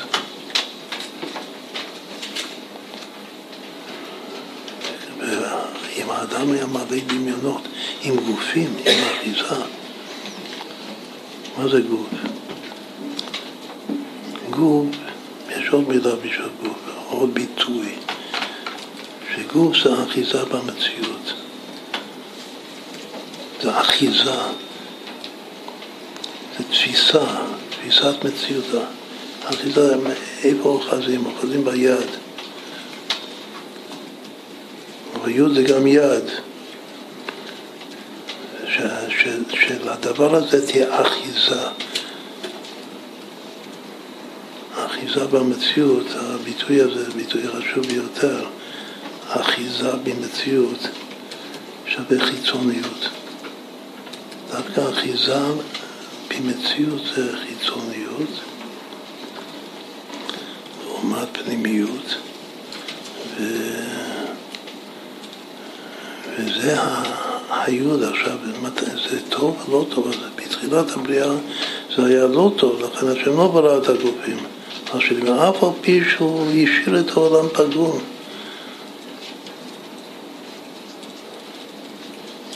הוא ברא דבר פגום. בגלל שאם היה משלים את זה, זה היה הכל ערבוביה, טשטוש אחד גדול. אבל הוא לא שפך את השמרים, הוא שמר את השמרים, עצם המילה שמרים שאמרנו קודם זה שמר, זה סימן שצריך לשמור אותם, את השמרים האלה. אבל שיש משהו טוב, אולי אפשר לעשות את הדברים הכי טובים עם השמרים, לעשות משהו חדש, משהו שלא הייתי יכול, עם דווקא רק עם שמרים, יין.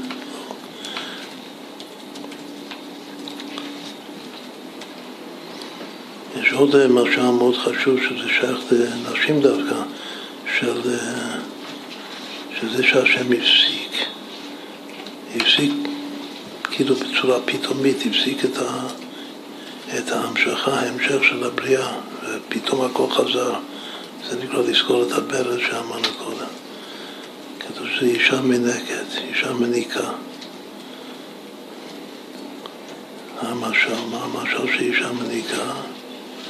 שאישה מניקה היא מפסיקה, מפסיקה להעניק כמה פעמים, אז, אז החלב אצלה, שזה ודאי דבר טוב, זה גם נפסק למעלה. מה עיקר הפגם, עיקר הבעיה? כתוב שהשמרים האלה, והקליפות והסמ"ם, זה יוצא מהשמאל. ואם אני לא רוצה להשלים את השמאל בגלל שזה יהיה לא טוב לכללות העולם, לכללות המציאות, לתת אחיזה במציאות יותר מדי חזק לחיצונים, אז זה גם פוגם במקור של כל ההשפעה.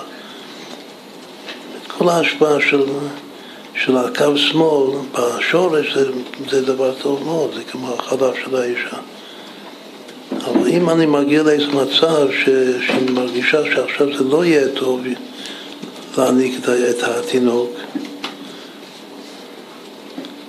אז זה יפסיק את השפע, זה יפסיק בשורש. זה פוגם בשורש. בשורש זה ודאי טוב, עצם המציאות שיש לחלב. זה עוד משהו מאוד אה, חשוב בחסידות. לכן צריך לעשות את זה תיקון. התיקון שצריך להיות מצב שאפשר להמשיך עד הסוף, גם את הקו שמאל. כאילו שיש שפע בקו שמאל, כמו החלה, וזה צריך להימשך. אבל יש מצב שזה יכול להזיק. שובים מפסיקים למטה, זה פוגם למעלה, באותו קו. כאילו קו שמאל בשורש למעלה הוא קדוש לגמרי.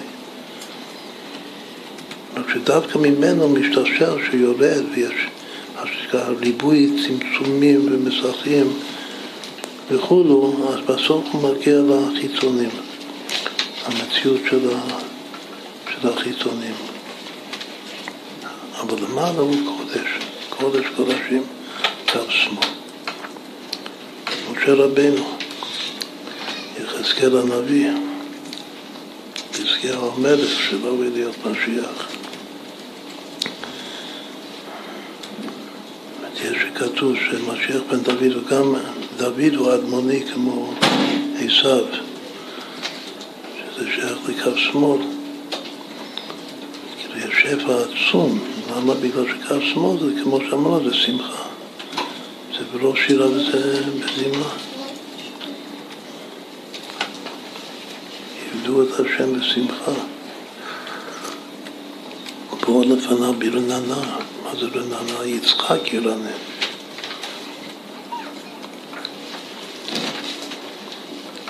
מזמור לתודה, מה זה תודה? שזה יסוד ושורש עבודה, עבודת השם להודות. זה גם זה שמאל. זה הסוף של קו. מה זה מלכות? מלכות נבדית מהגבולות, מקו שמאל. מדברים על מלכות ישראל, זה הכל קו שמאל. כל פירושים של המילה הוא.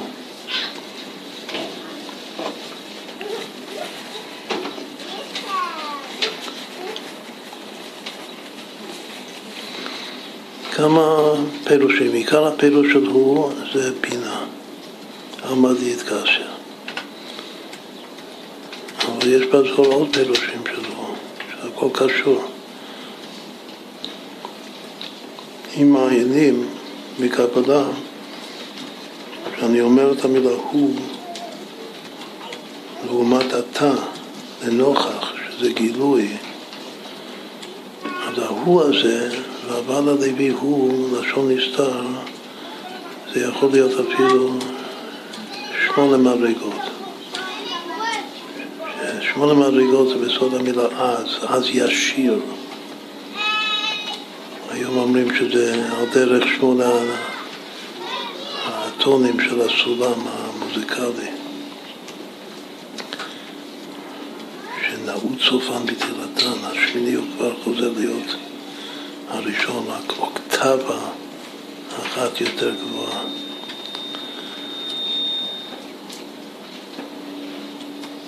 מה זה?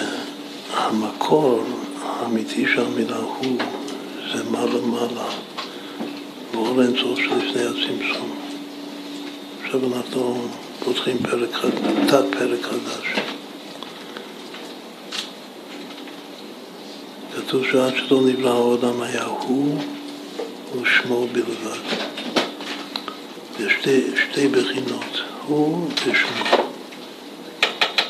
הוא ושמו? במילים הכי קצרות, הוא זה נקרא עצם האור אינסוף, ושמו זה התפשטות. האור אינסוף, הכל לפני הצמצום. ולכן עד שלא נברא העולם, שזה לפני הצמצום הראשון, שיש רק אור השם.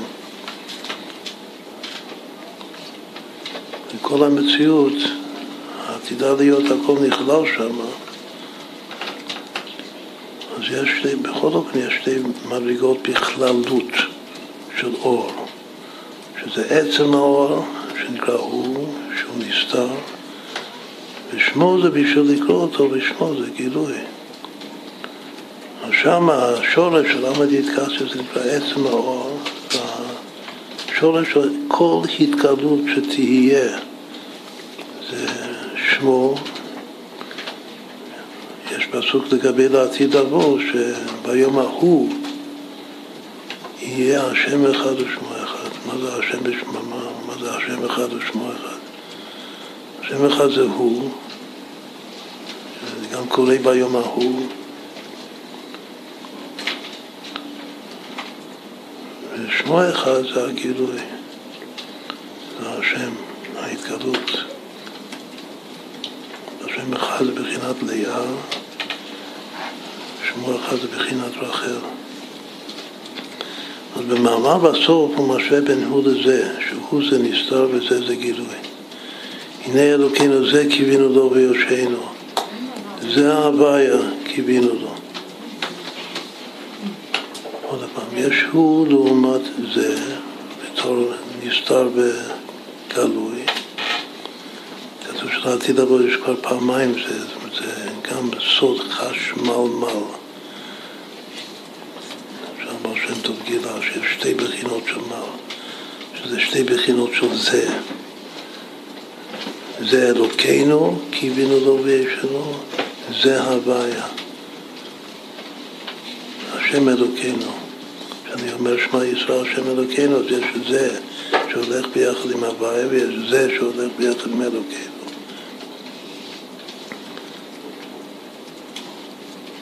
והם שווים אותו הדבר, רק ש... שוב אחד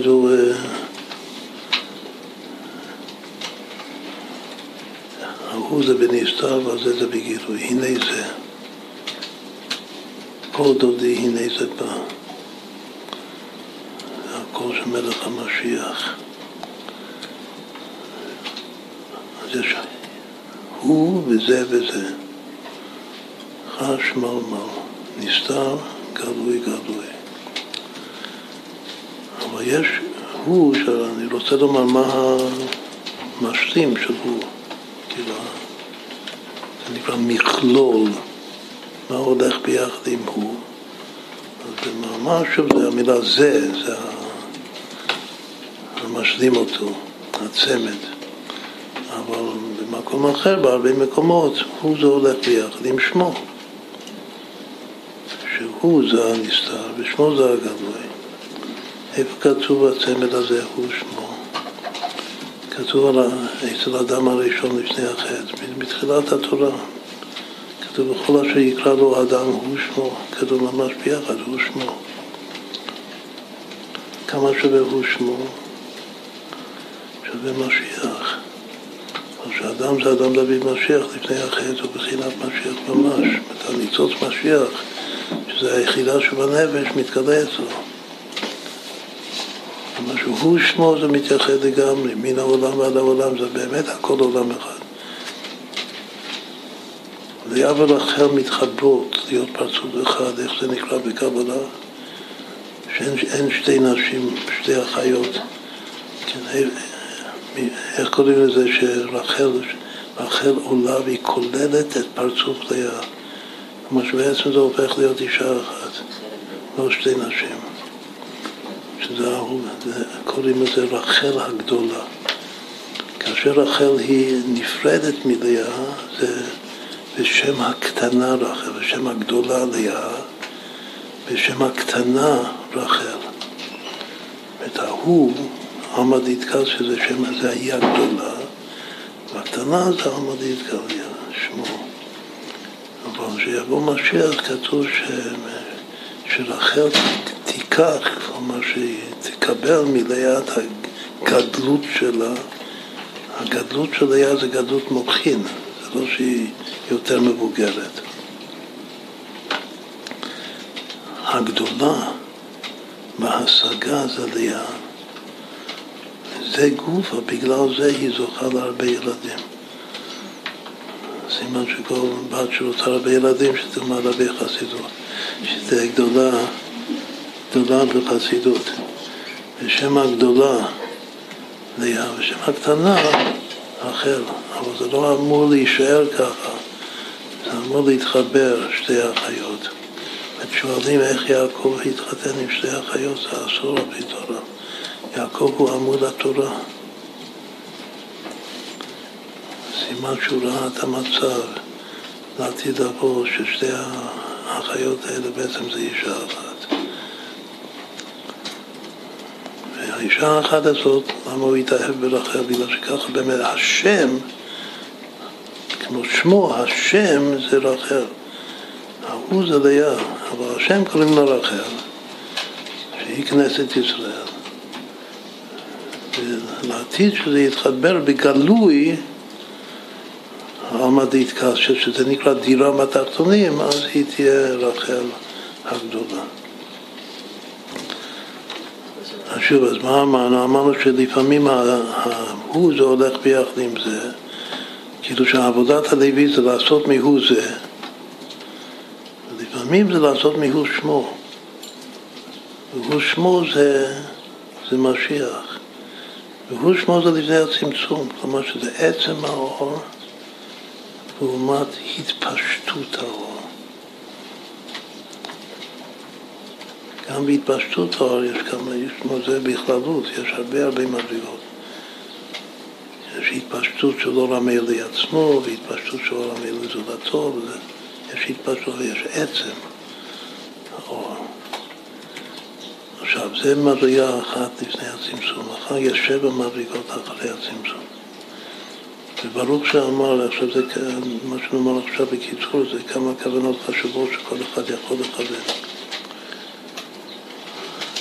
ברוך שאמר שזה מטבע שנפלה מן השמיים. זו התפילה מאוד מאוד מיוחדת, ברוך שאמר והיה עולם. אז איך זה מתחיל? זה מתחיל ברוך שאמר והיה עולם ברוך הוא. כמה ברוך יש שם? יש הרבה ברוך שם, יש 13 ברוך. יש כוונה בכתבי האריזה שזה 13 מדרגות בסדר ההשתלשלות. מאוד מאוד כדאי לקחת את הסידור של האריזה, וגם את הסידור של האדמון הזקן, שהוא מפרט את ה-13 ברוך שיש בברוך שאמר כנגד כל סוד השתלשלות העולמות. ברוך שאמר שהיה עולם, מה זה 13? זה ג' ראשי ראשים ועוד עשר תפילות, ככה רב הגאון. ענה לתלמידים שלו ששאלו, עשר ידענו, שלוש עשרה לא ידענו. אז כתוב שברוך שאמר והיו העולם זה רדלה. זה הראש העליון ביותר, האמונה הפשוטה בנפש. מה זה ברוך הוא? זה בא, זה השני. את כל יש ברוך שאמר והיו העולם, אחר כך ברוך הוא. ברוך הוא זה הגולגלתא, שזה חסד, בלשון הזוהר זה נקרא עתיקה. אחד מהפירושים של בעבר הלוי הוא בקטע של הזוהר, שעל זה מבוסס המאמר, שזה, שהוא זה עתיקה. זה כמו שכתוב ברוך הוא, גם שאומרים הקדוש ברוך הוא, הקדוש זה כמו ברוך שאמר והיה עולם, וברוך הוא זה הגולגלתא בחסד. מי שלא ידע ולא התיידע רדלה, זה הגר, הגיל הראשונות של עתיק. ואחר כך בא החסד העתיק, שהוא מתלבש בגולגלתא של האריך, וזה נקרא ברוך הוא. אז זה הפירוש העליון באצילות. אחר כתוב שבינה, הוא סתם הוא, זה בינה, כמו שדיברנו עכשיו באריכות, עמדית גדשה. אבל בינה זה ההתחלה של קו שמאל, ולכן גבורה, כתוב אני בינה לי גבורה. גבורה זה מידת הצמצום של השם, צמצום זה אסתר, לכן גם גבורה זה הוא. אתה כהן לעולם. אתה זה שורש הכהונה, אבל הוא זה שורש הלוויה, שזה אם סתם ימין שמאל זה חסד וגבורה. עכשיו גם מה למטה מגבורה? למטה מגבורה יש הוד. מה זה הוד? זה להודות. להודות, במה להודות? להודות בנסתר. לכן הוד זה, זה בנפש זה אחיזה מסוימת בנסתר, להודות. וזה עושה הוד והדר, זה כמו אורה, אורה על הראש כתוב, הוד מלכות. כתר על הראש. בכל אופן יש הוא, שזה שייך גם הוא, המילים הוא ואו זה קרוב מאוד. רק א' וד' בסוף. אחר כך יש פסוק במזמור לתודה שזה הוד. מזמור פרק ק' בתהילים זה מזמור לתודה. מזמור שהוא, כתוב שהוא מסוגל ללידה. חשוב שבמיוחד כל אישה תדע את המזמור הזה טוב טוב. מזמור לתודה, הרי להשם כל הארץ, אחר מה כתוב? ידעו את השם בשמחה. זה הפסוק העיקרי של שמחה בתנ"ך. ידעו את השם בשמחה, בואו לפניו ולנעלה לשמאל. אחר כך מה כתוב? כתוב הלאה, הפסוק השלישי, דעו כי השם הוא אלוקים, הוא עשנו ולא אנחנו, עמו בצאן מרעיתו. אז כתוב בקטע של הזוהר, שעל זה מבוסס המאמר כאן של הרבי, כתוב שהסוד של עבד הלוי הוא זה שני ההואים האלה. השם הוא האלוקים, הוא עשנו. השם הוא אלוקים, זה הוא אלוקים הוא, כתוב. והמילה הוא זה כפול לפני אלוקים ואחרי אלוקים. דעו כי השם הוא אלוקים, הוא עשנו ולא אנחנו. אז כתוב בזוהר, בחסידות, שהוא הוא מחבר זון, הוא מייחד הוויה ואלוקים. שבשבילות זה תפארת ומלכות. איזה כוח בנפש מייחד את התפארת והמלכות? היסוד. יסוד זה הצדיק. הוא גם נוטה לשמאל. הוא לא בקו שמאל. קו שמאל זה בינה וגבורה ועוד, הכל זה הוא. ומה שנוטה לשמאל זה יסוד ומלכות. לכן גם הם הוא. והכוח, ההוא של היסוד של הצדיק, זה נקרא צדיק נסתר. הצדיק הוא גם זה, זה צדיק גלוי. יש ל"ו צדיקים נסתרים בכל דור, ול"ו צדיקים גלויים. הנסתרים הם הוא, והגלויים הם זה, שאפשר להצביע עליהם ולומר זה כלי וענווהו. זה הצדיק אמת, זה הרבי של הדור, זה המשיח. אבל קודם הוא נסתר, שזה בחינת הוא. אז מה זה ההוא הזה? זה השם הוא, הוא אלוקים. הוא עשנו, זה גם היסוד, אבל זה מה שהיסוד משפיע על המלכות, שנקרא הוא עשנו, ולא אנחנו. הכתיב זה ולא עם א', ולא אנחנו עשינו את עצמנו, רק הוא עשה. והקריא זה עם ו', ולא אנחנו, שאנחנו מוסרים את נפשנו להשם. צריך למסור את הנפש להשם, שזה לא עם ו', מתוך התודעה שלא אני עשיתי את עצמי, השם עשה אותי.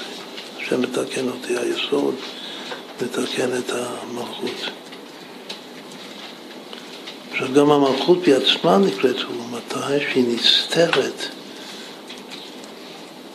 בעולמות התחתונים, ביה. המלכות יורדת במיוחד בסוד הגלות. אז ואנוכי אסתר, אסתיר פניי ביום ההוא. אסתר מן התורה מניין, ואז המלכות נקראת הוא. אז כל התפילות שבקו, שבקו שמאל, הכל זה הוא. זה חמש. בינה וגבורה והוד וגם יסוד וגם מלכות. היו עוד שתי בחינות למעלה מזה, שזה, שזה, שלמעלה מה, מה, מהבינה יש את עתיקה.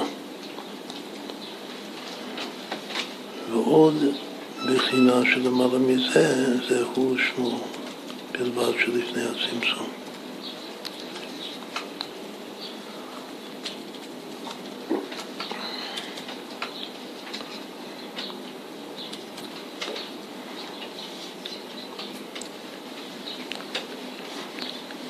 טוב, אז אה, עכשיו נגיע ל... לאט לאט אנחנו מתקרבים להתמודד עם השדים, שזה כאילו כן לתת להם.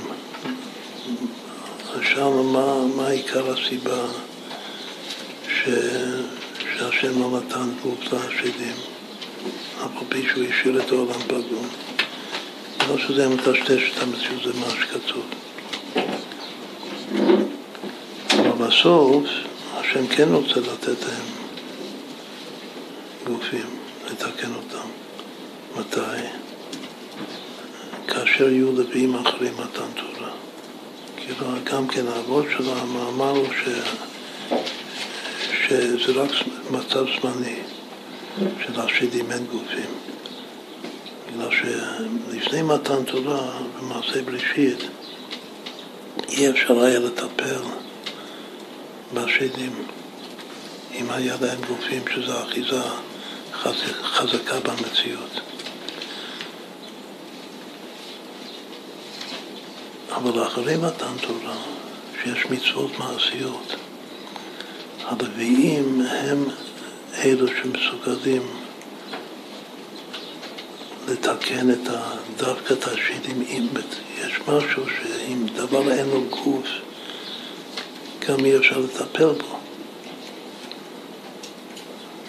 תכלית הכוונה זה כי יתרון האור מן החושך להפוך אותם, להחזיר אותם בתשובה. להחזיר אותם בתשובה זה בעצם לתת לשד את היוד, שיהפוך להיות שם שקאי. שגם שם שקאי זה דומה מאוד לזה שהשם הפסיק באיזה שלב את ההשתלשלות של מעשה בראשית. אז איך, איך חז"ל דורשים את השם שקאי? שאמר לו למודי, עד כאן. די. זה כאילו אותו רעיון, אבל זה בקדושה. כלומר, זה אחרי שיש לו גוף.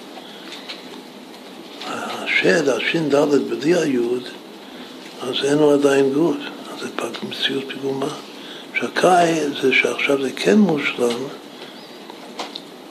ויש אחיזה, והאחיזה הזאת גם הפכה להיות אה, קדושה. שמכניסים את הלוויים לעבודת קודש עליהם, שזה על ידי שמתארים אותם, כמו שמתואר בתורה. אז בעצם הפעולה הזאת של טהרת הלוויים, שמכשיר אותם לעבודה, זה לקחת את כל ההשתלשלות של קו שמאל עד הסוף, להפוך את הכל לקדושה. שזה כוח רק של לוי. לא שכהן, זה עוד סיבה שלעתיד לבוא הכהנים הלוויים, שהלוויים יהיו הכהנים בגלל שהעבודה הזאת של לגייר את כל המציאות, זה הלוויים יעשו את זה. לתקן גם את הרע ולהפוך את הרע, לפני מתן תורה אי אפשר לעשות את זה. לכן לפני מתן תורה אין ברירה, אני חייב להשאיר את העולם חסר פגום. ואחרי מתן תורה יש עצה.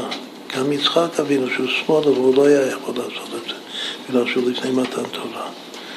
אבל הלווים אחרי מתן תורה עם המצוות שלהם, שזה גם אה, במדבר זה לשאת את הארון בכתף יישאו, זה גם דבר גדול מאוד, שזה לשאת את התורה, זה להרים את זה, יישא, שאמרנו קודם.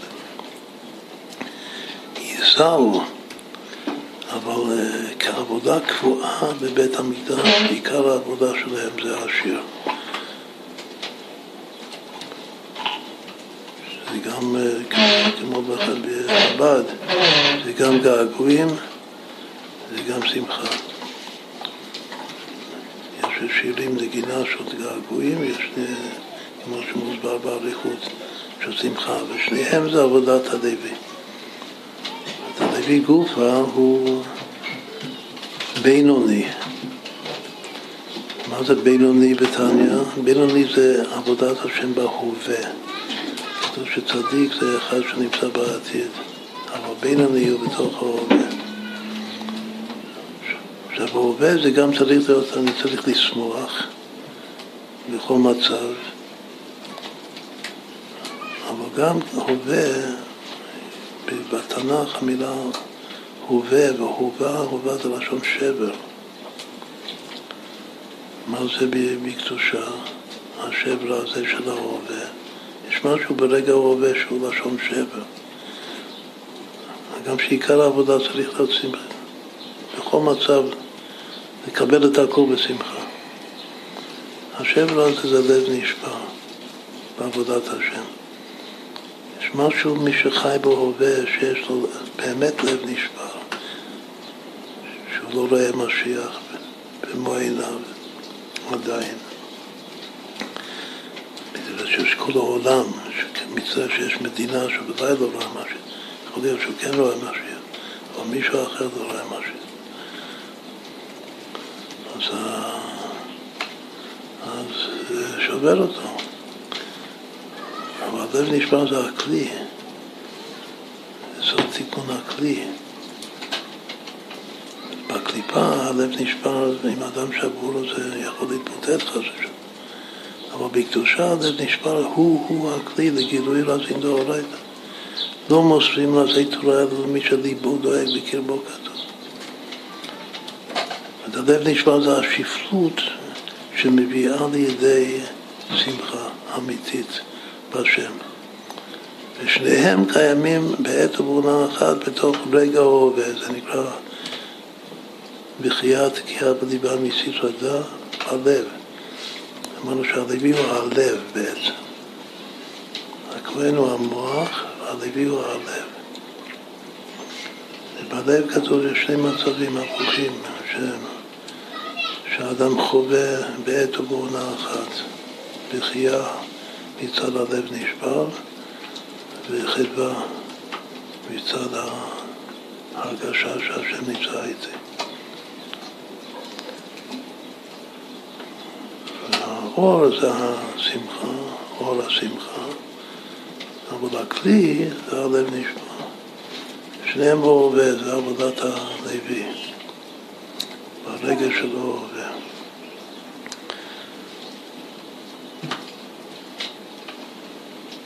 מי יודע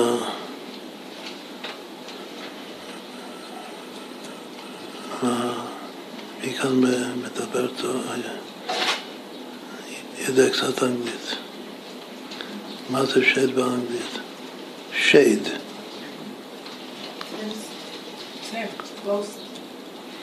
מה זה שייד?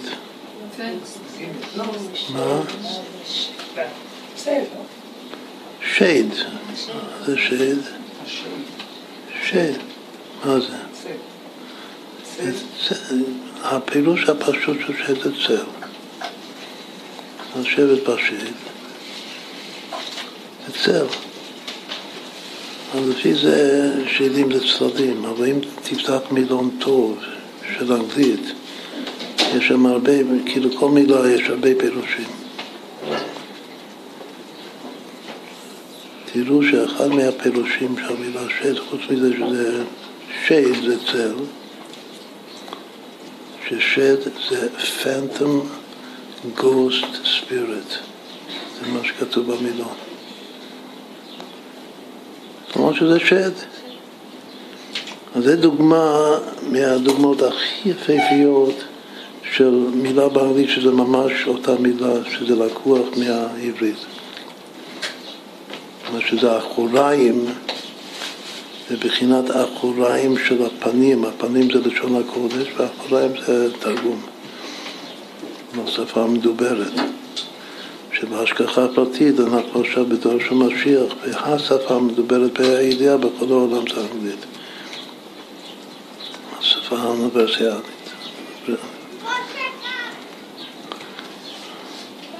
השד זה, עכשיו זה שהפילוש הפשוט יותר זה שזה צל, זה גם אותו דבר, סימן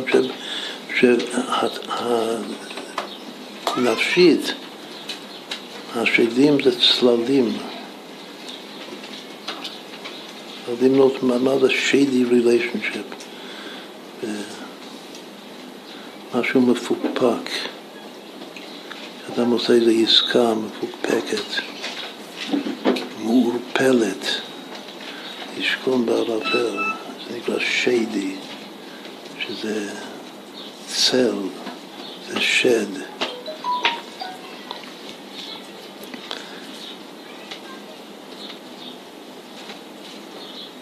עכשיו שוב נגיע עכשיו מה זה נקרא שהשדים אין להם גופים? אחד מהפירושים שאין להם גופים זה שיש דברים בנפש שאי אפשר לבטא אותם בדיבור.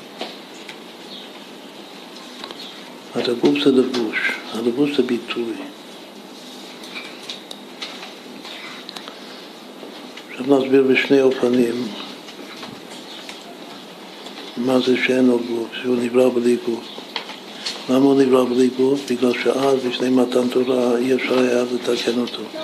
והיה לו גוף, אוי ואבוי. עכשיו, אחרי מתן תורה, צריך לתת, את הלוויים צריכים להשלים גם את הגופים כדי להפוך אותם, בגלל שבלי הגוף אי אפשר, אי אפשר לטפל בו, אי אפשר להפוך אותו. אז צריך להבין את זה גם בנפש וגם במציאות הכללית.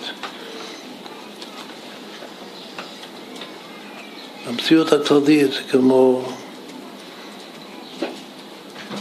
צריך לתת, זה גם משהו יסוד בחינוך. מה זה עוד ביטוי פשוט בשביל שד? מה זה שד? שד זה יצר הרע. יש לאדם, כל אחד אומר תאווה. תאוות אכילה, תאווה אחרת, זה שד. מה זה נקרא לתת לו גוף? לתת לו גוף זה לתת לו מה שהוא רוצה. להשלים אותו.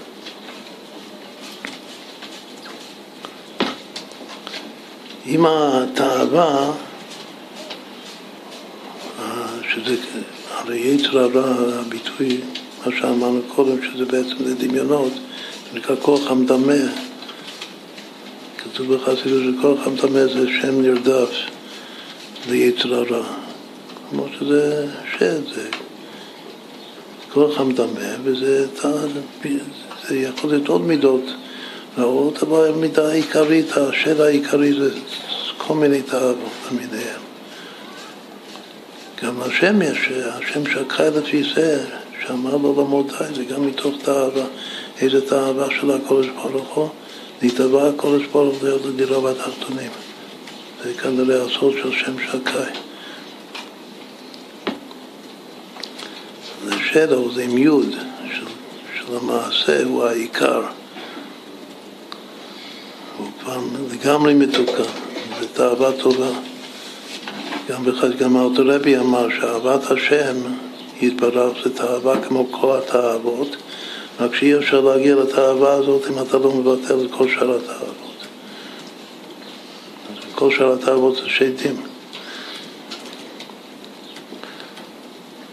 עכשיו השאלה, אני צריך לתת, אם, אם יש לילד איזה תאווה, צריך לתת לו או לא לתת לו? אז התשובה היא שהרבה מאוד פעמים, שאם אני רוצה לטפל בו, לתקן את התאווה הזאת, להפוך את התאווה כמו אהבת משהו לא טוב לאהבת השם, שזה עיקר ההתהפכה, זה עיקר העבודה של, של תיקון מידות, לפי הבעל שם טוב. אז לפעמים אני חייב, במינון הנכון, אני חייב לתת לו, אני חייב שזה יצא לפועל. בגלל שאם זה, זה רק נמצא בפנימיות וזה לא יוצא לפועל, אז מה, מה, איך קוראים לזה? אז הוא נכנס למצב של תסכול. הוא נשאר מתוסכל. אז מה שנשאר בסוף זה תסכול. תסכול זה לא טוב.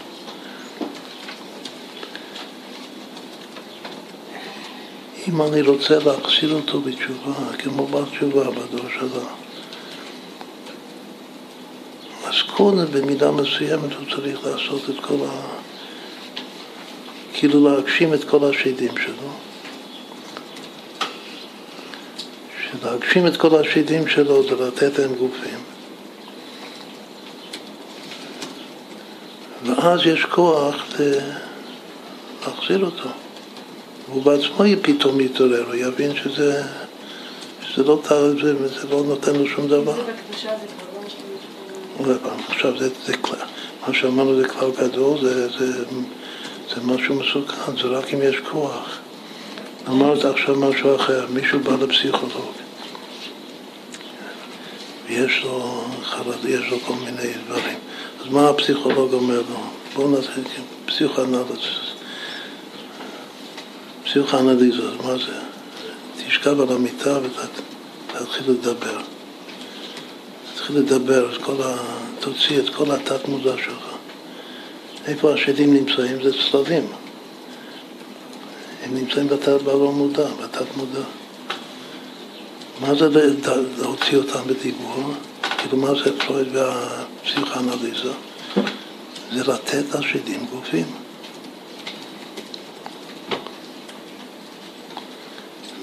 אם אתה נותן את הגופים, שאתה יכול לבטא את, ה, את השדים שלך, אז אני יכול לטפל בך.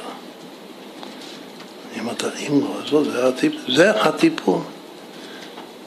אבל לא כל אחד יכול לעשות את זה, רבותיי, לדאבוננו. ולכן, מה הכלל הגדול שזה, אם רוצים עכשיו לדבר על הרבי, הדרך של הרבי, ככלל גדול, זאת אומרת, אין כלל שאין בו יוצאים מן הכלל, אבל ככלל גדול, הרבי לא היה בעד לעשות על כל אחד פסיכואנליזה ולהוציא ממנו את כל התת מודע שלו. מישהו לטפל בזה, שזה עבודת צדיק, לעבור. מה, מה הכלל לפתוח עגלות קודש של הרבי? אפשר לחפש במפתחות. הכלל הכי גדול אצל הרבי, קוראים לזה הסך הדת. גם מדמיונות וגם משדים וגם מעבירות שעשית. והרבה שדים זה פעם מעבירות שאדם עשה, שהוא... או מטראומות שהוא עבר. מה לגבי עוד השוע, טראומה שאדם עבר וזה משאיר צלקת בנפש, זה שד. אז מה צריך לעשות עם השדים האלה? לתת לו גוף, לתת לו ביטוי. שוב, אם אפשר לטפל על ידי שאני נותן לו ביטוי, מה טוב. זה לא הכלל, זה היוצא מן הכלל. הכלל זה השם ברא מידה אחת טובה שקוראים למידה הזאת שכחה, לשכוח מזה, להסיר דעת. זהו, זה עבודה כמו שיש אה, כל מיני אוסף שאנשים עשו מתוך העגלות קודש של הרבי, כל מיני נושאים. אז מה שכדאי מאוד לעשות זה כל המכתבים שהרבי נותן עצה, שהעצה הטובה שלך זה פשוט לשכוח מהסיפור. להסיח דעת מזה. אתה רוצה להתרפא מהפצע הנפשי, הצדקת הנפשית, תשכח מזה. תלך, מה זה תשכח? תשכח מהעבר ותתקדם הלאה. אנחנו עדיין בחודש, בחודש סיוון, שחודש סיוון זה חודש ההילוך, חוש ההילוך. הילוך זה להתקדם הלאה.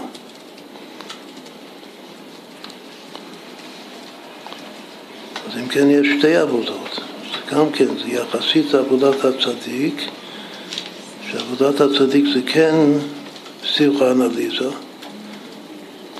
על עצמו, לכן כל מטפלים, הם צריכים לעבור את זה בעצמם.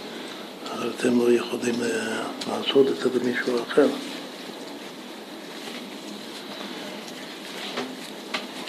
יש עבודת הבינוני. עבודת הבינוני, שזה הלוואי בינוני של כולם, זה ככלל להסיח את הדעת ולהמשיך, להמשיך הלאה. ובתוך הווה גופה, כמה שהווה זה לשון שבר, לחשוב פחות על השבר ורק יותר על השמחה.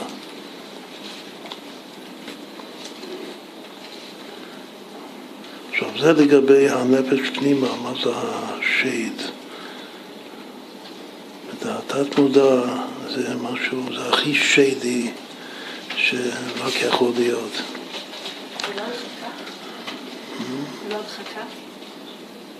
זה הדחקה, ודאי שזה הדחקה. זה טוב, זה הכי טוב בשביל זה מצוין. זה להסיח את הדעת. עוד פעם, יש דבר, זה, זה, זה, זה, כשאדם מדחיק, אז לפעמים זה פשוט מתפתח מעצמו. אם הוא מגלה את זה, זה נשאר. הוא לא יודע איך לטפל בזה, זה לא יעזור. לא יודע איך להפוך את זה. הלוויים, במקדש, בשירה שלהם, היה להם כוח. אם כבר רוצים להפוך, אז תתחילי לשיר. ולא מהמוח, תתחילי לשיר מהלב. זה סיכוי שעבודת הלוויים. מה עוד? זה דוגמה, אמרנו שניתן דוגמה בנפש ודוגמה ב, יותר בחיצוניות. היותר בחיצוניות, שזה גם כמשהו כללי, זה טוב שתקום ממשלת שמאל או לא. אז זה פשיטה, זה פשיטה ש... שאם אני רוצה להחזיר אותם בתשובה, זה טוב שזה תקום. טוב ש... כאילו, מה שאני לא, אני לא... זה לא השיטה שלי, זה ההפך השיטה שלי, כן, כן. אבל גם מתוך הניסיון, אם רוצים להזיז אותם משהו, אז כל שזה יגיעו עד ל... כמו שאמרנו כבר, יש לך תאווה, צריך, בסדר, שזה יתגשם. ואז יש סיכוי, כאילו, להפוך את הממשלת שמאל. אז קודם כל צריך להיות אנשים חזקים מאוד בתורה. הרי צריך לשאת את הארון. השאלה כמה יש כאלה, כמה צדיקים יש שנושאים את הארון, שהם אלו שיכול, שמסוגלים להחזיר בתשובה. ודווקא להחזיר בתשובה אחרי שהדבר בא לידי מימוש. אצל, ה... אצל הזולת, אצל הכלל. אם אין כאלה, אז לא כל כך אה, כדאי להצביע שמאל, או לתת להם להצביע לעצמם. אבל אם אתה, אם אתה מאמין שדווקא כשהם ישבו על הכיסא אתה תוכל להשפיע עליהם, אז זה כדאי, אז לתת להם גוף, לתת להם כלים. מה זה גוף? גוף זה כלים, מה הם רוצים? הם רוצים, אם אני אהיה בממשלה, אם אני הממשלה, אז יש לי כלים לבצע מה שאני רוצה. יש לי גוף. עכשיו, זו דוגמה של כלל של, של לתת לשד גוף דווקא. בשביל להפוך אותו, אם אתה מספיק חזק, קשור לתורה. ואצלך בעצמך זה כמו להוציא את הלא מודע שלך, שזה השירים שלך, היצררה שלך. בסדר, עד כאן השדים, ו-The Ghost Spirits, כמו שהוא כותב במילון. ו...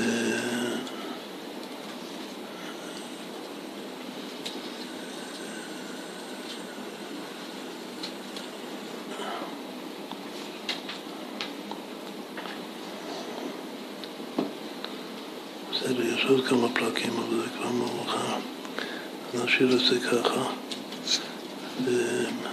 וכמו שאמרנו קודם, הכלל, הכלל הגדול של הרבי, ברוב המקרים, וגם מאוד מאוד חשוב לדעת, זה הכוח, הפעולה החיובית של פשוט להסיח את הדעת. לשכוח מה, מזה, מכל הטראומות וכל הצלקות, ולהתקדם, להתקדם הלאה בחיים. ובתוך הרגע של ההווה להרגיש את, ה... להרגיש את הפן של השמחה, את העבדות השם שמחה, שזה לגלות את הנסתר של ההוא.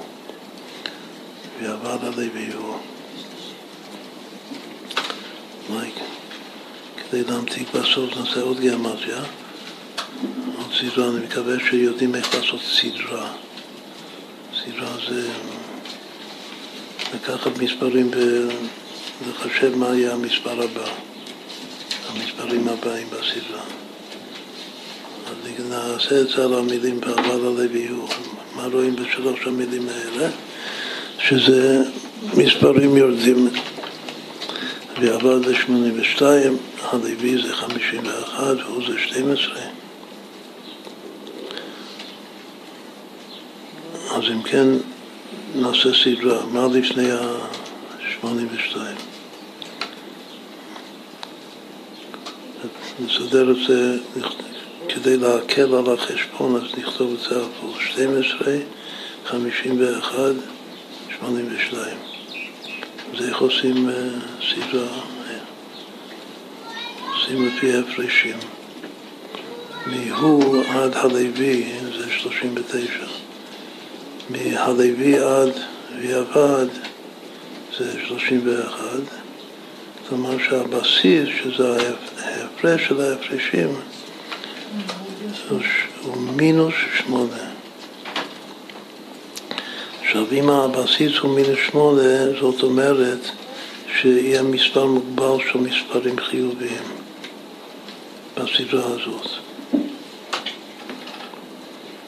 עכשיו, למרבית הפלא, נראה תכף שבסדרה הזאת יהיו בדיוק הוא מספרים חיוביים, 12 מספרים חיוביים.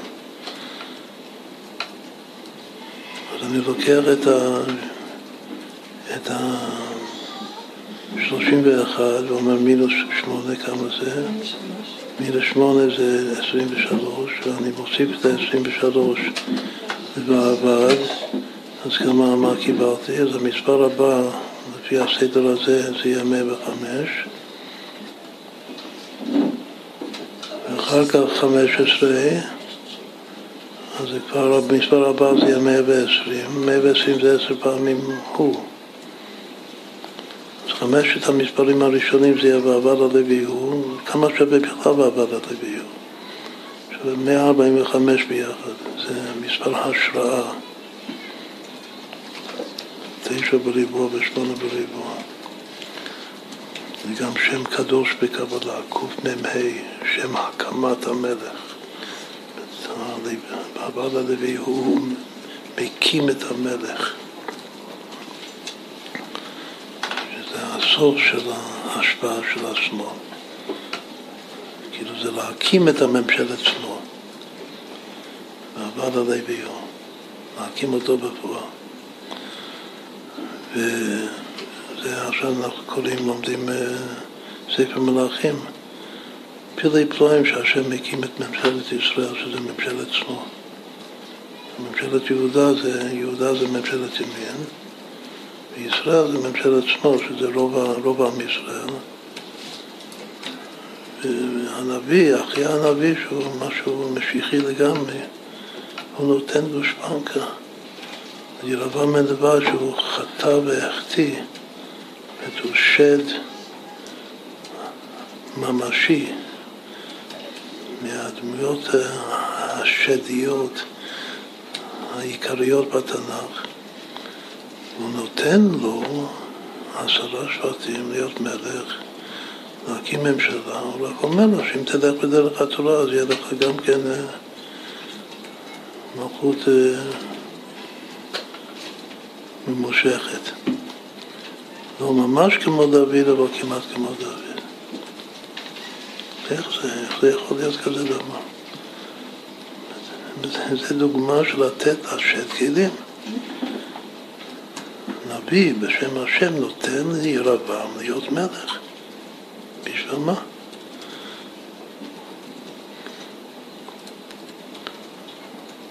שזה זה לתת לשד את, את השד שלו. מתוך תקווה, כולי היי ואולי יהיה אפשר לטפל בו. ואז זה לא הלך, הטיפול הזה, זה, זה סיכון, סיכון רציני של לתת אה, גופים לשדים. אבל עושים את זה, גם השם עושה את זה. אז עוד פעם, בסדרה הזאת, ועבר הלוי הוא, אז חמשת המספרים הראשונים זה 12 ו... ו-51 ו-82 ו-105 ו-120 עד, עד כאן כמה זה? 145 ועוד 105, 250 ועוד 120, אז עד כאן זה 370. מה זה 370? שהיה לנו קודם? המשכה, שזה עשר פעמים יחידה. רק המילה הוא, אחד מהסודות של המילה הוא, שבמספר קדמי זה נקרא כל פי משולש, ה' זה 15, ו' זה 21, א' זה אחד, כמה זה ביחד? הוא 37. זה יחידה. אמר שהוא הולך ביחד עם שמו. הוא שמו, משיח. עמדית קשיא, עמדית גליה. מה יש בנפש שזה שייך לשמו? את היחידה זה ההוא של הנפש. אבל הלוי הוא זה נקרא בלשון החסידות, מה זה תפילה חב"דית? מה אלתר רבי אמר, כמו זקן אמר, אחד מגדולי החסידים שלו שהתפעל. תפילה אמיתית זה גילוי יחידה שבנפש. לגלות, לגלות את ההוא, זה לעבוד את ההוא, זה עבודת הלוי. יש בנפש משהו שייך לשמו, מה זה השם בנפש? המילה נשמה, יש נפש, רוח, נשמה, חיה יחידה. המילה נשמה, מה השורש שלו בעברית? מבין מהם, אבל מה השער? זה כמו נון הנפעל. העיקר, כתוב שהמילה נשמה זה מלשון שם. גם קשור לשמיים, גם קשור לשם. עכשיו, הנשמה כוללת את הנירן, שזה נקרא ההערה. בלשון אייזק מיום זה נקרא פרצוף ההערה, נירן, נפש, רוח, נשמה, הפנימיות, שזה רק הערה של, ה, של עצם הנפש. אבל הגילוי של ההוא, של עצם הנפש, זה חיה היחידה שזה נכלל בתוך ה... זה נכלל בתוך היחידה שבנפש. אז אם כן, הוא שמו, זה הכוחות המקיפים, שזה הלא מודע או על מודע, והעיקר זה היחידה שכולל גם את החיה, והכוחות הגלויים, שזה הנירן, נפש, רוח, נשמה, שזה נשמה לשון שם, וזה כולל גם את הרוח והנפש שלמטה. זה מה שמתלבש, ההערה שמתלבש בגוף, הנירון. אבל מה שמרחף למעלה מהגוף זה עוד פעם, עד 120 זה, זה עשר פעמים יחידה. מה יבוא אחרי זה? עכשיו 120 זה, זה, מה המספר הזה אומר בתורה 120? זה חיי משה. מה קורה אחרי זה? מה יהיה המספר? לא, אחרי... הוספת 15, אז 15 פחות 8 זה 7. אז כמה, מה המספר הבא? 127, חיי שרה. וזה המספר הגבוה בסדרה, בגלל שאחר כך זה מתחיל, זה פרבולה, שהולך ככה. זה עולה עד 127, זה מתחיל לרדת. ומה יהיה המספר הבא? 26. 126. אז שזה יהיה פחות אחד. אחר כך מה יהיה? 117. ואחר כך מה יהיה? בדיוק 100. כמה זה שלושת המספרים האלה ביחד? 127, 126, זה כבר כפולה של חיה. 253, ועוד 117, כמה זה 253, 117? זה עוד פעם בדיוק אותו מספר, 370. אז חמשת המספרים הראשונים זה, זה, זה המשכה, ועוד שלוש מספרים זה עוד המשכה. מה יש אחרי מאה? מאה זה כלים בגמטיה. אחרי מאה יש פחות 25, אז המספר הבא זה 75. מה זה 75? זה כהן. התחלנו מהלוי והגענו לכהן. אחר כך המספר הבא זה 42,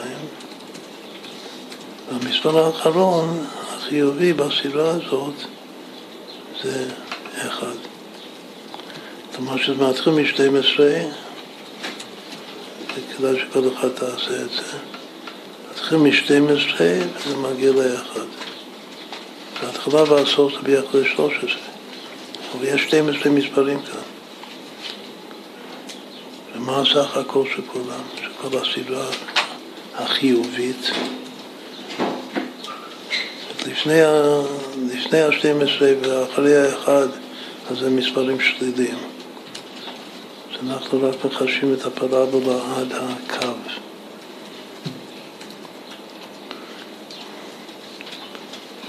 עד המימד. ביחד זה 370, עוד 370, 740, עוד 75, 42 באחד.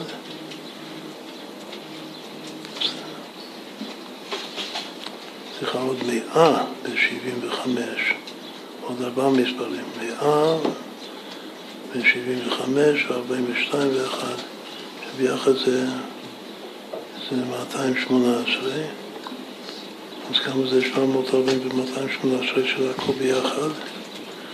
זה יוצא 958, 958, מה המספר הזה אומר? זה פסוק שהזכרנו קודם. זה הפסוק הראשון של שבת. ויחודו השמיים בארץ וכל צבאם. מה שהשם מפסיק ומחזיר את האור באור חוזר, אבל עדיין שומר את השמרים שהם יבואו לידי שימוש בעתיד. כאשר יהיו הלוויים. ויהפכו את השמרים האלה להכי טוב. כנראה שמשמרים אפשר לעשות דברים מופלאים ביותר, רק אם אתה יודע איך עושים את זה. לא לתת את הלשידים להתערב עם היין הצלו. זה ויחולו השמיים בארץ וכל צבאם. הוספנו לשלושת המספרים הראשונים עוד שמונה מספרים, לפי המשחק הזה של הסדרה.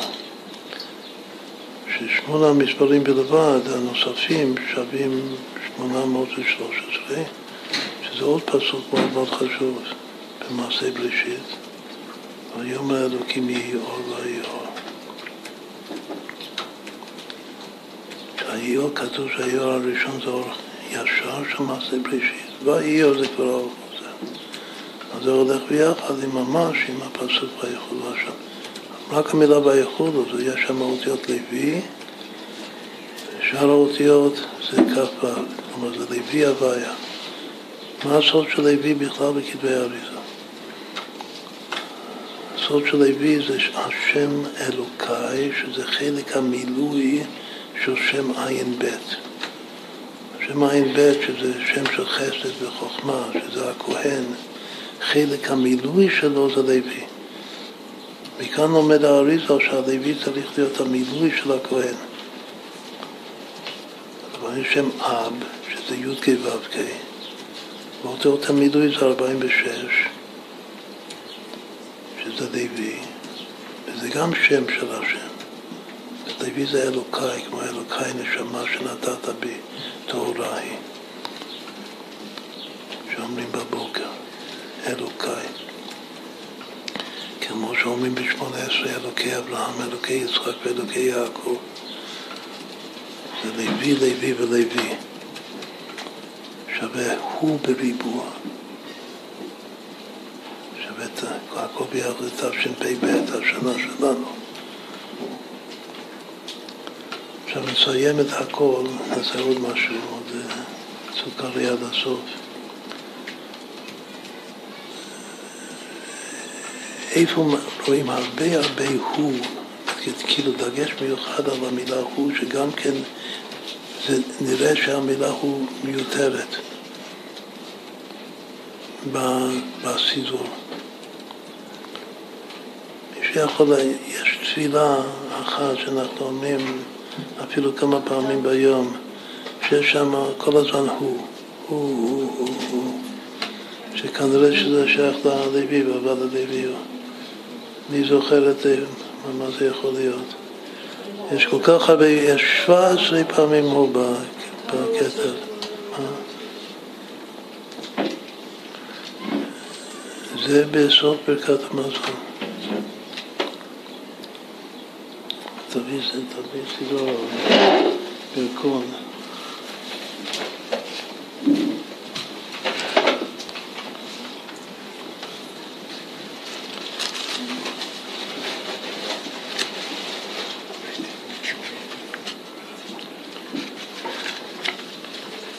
בסוף ברכת המזון כתוב הברכה הרביעית, שזה כנגד המלכות בכלל.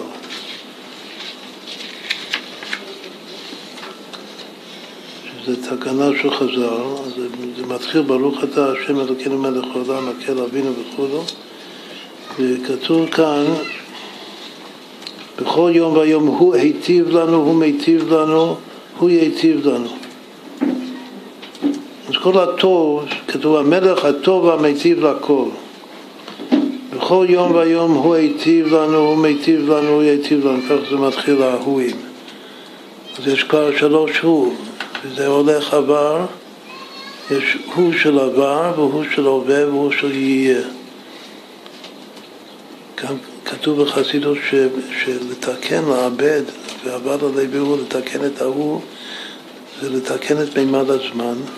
וזה התיקון הזה, זה הוא, הוא מיטיב לנו, הוא היטיב לנו, הוא היטיב לנו, הוא מיטיב לנו, הוא ייטיב לנו. עבר הווה עתיד. כתוב שהעבר של ההוא בעבר זה התקללות המידות בשכל. את ההווה ממש זה כמו עבודת השם בעולם הזה, זה תיקון המידות. העבר שלו גם כן כלל מאוד גדול בחסידות. שסוד האהבה זה איך שהמידות היו כלולות בתוך השכל לפני שנולדו. ומה זה ההווה של האדם? ההווה של האדם זה לידת המידות בלב. שיש לו עכשיו מידות, שהוא מרגיש איזו אהבה או שנאה או רחמנות. זה ההווה שלו. וכל זמן שהמידות כלולות בשכל אי אפשר לתקן אותן. אמרנו שהשדים זה תת מודע, אבל גם מידות בתוך השכל זה, זה לא בדיוק מודע, המידות בשכל, ואי אפשר לתקן את המידות. אז צריך להוציא את המידות מהשכל, להוריד את המידות. כלומר שזה להגשים אותם. גם לתת, זה, זה כבר גוף, כתוב שתפארת גוף, המידות זה גם זה גוף לגבי השכל. אז ההווה שלך זה, זה לגלות, להוליד את המידות. מה העתיד? אמרנו שהעתיד זה עבודת הצדיק. עבודת הצדיק זה אחד שתיקן את המידות. מה, מה הוא עושה עכשיו? עכשיו הוא צריך להשפיע על הזולת שעדיין לא מתוקן. צריך להיות שליח של הרבי. כלומר שכל השלוחים היו כבר עם תיקון מידות. אבל עכשיו זה הזמן להיות השליח האמיתי, שהשליח האמיתי זה מלך המשיח. וזה להביא את התיקון גם למקום הכי רחוק, יבוץ מנתך חוצה, ולהביא את זה לזולת שלא שייך לגילוי הלקות בכלל. שזה מה שאנחנו אומרים בתפילה של, של, של ראש שנה וכולו,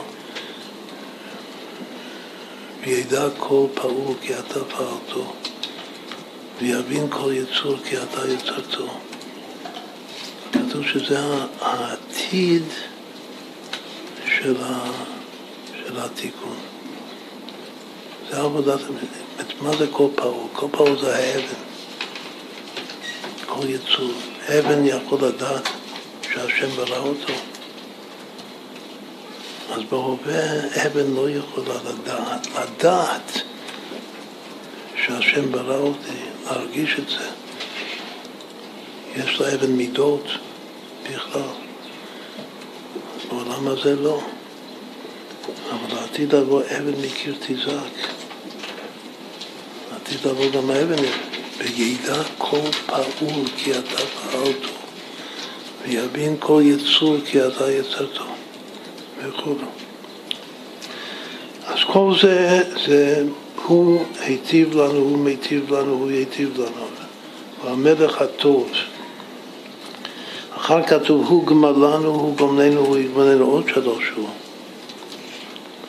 גם כן לפי עבר, הסוד של עבר ובעתיד. אז כמה הוא יש עד כאן? יש שש. שש הוא, חצי מ... חצי מהוא, חצי משתים עשרה. אבל אחר כך זה מתחיל סדר של הרחמן. וכאן זה השאלה, גם קודם אפשר לשאול. אפשר היה לחבר ביחד, היטיב, מיטיב, היטיב, למה צריך הוא על כל אחד? אחר כך זה עוד יותר חידוש. הרחמן הוא ימלוך עלינו לעולם ועד. הרחמן הוא יתברך בשמיים ובארץ. הרחמן הוא ישתבח, הרחמן הוא יפרנסנו, הרחמן הוא ישבור. הרחמן הוא ישלח ברכה מרובה בבית הזה. הרחמן הוא ישלח לנו את אליהו הנביא, הרחמן הוא יברך את אבי מורי וכו'. כמה הוא יש, כמה הרחמן. הכל הולך עם הרחמן. הרחמן הוא, למה צריך הוא? הרי אפשר לומר, הרחמן ימלוך עלינו לעולם ועד, הרחמן יתברך בשמיים ובארץ. כאן זה כן קצת צריך את ההוא. הרחמן הוא יתברך בשמיים ובארץ.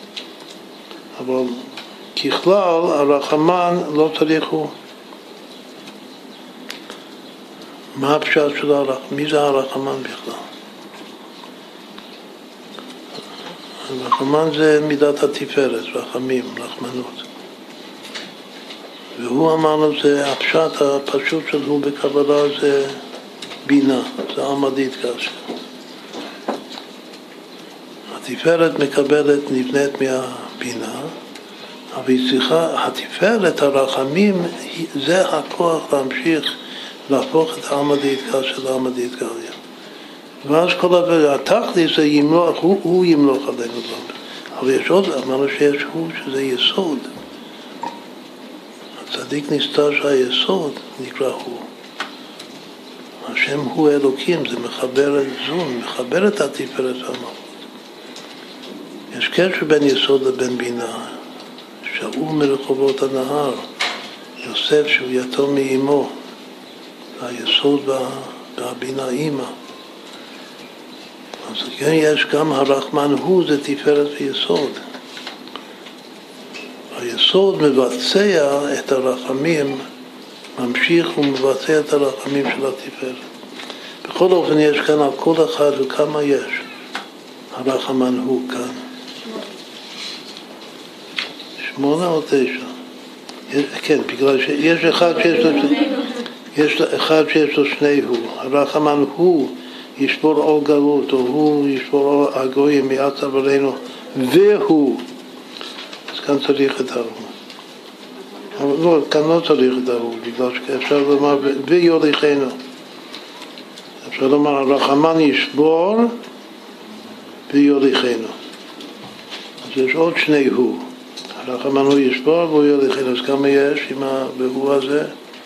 זה תשע. אבל אחר כך, אם נלך לעשות, כתוב, הרחמן הוא יזכנו לימות המשיח ולחיי עולם הבא.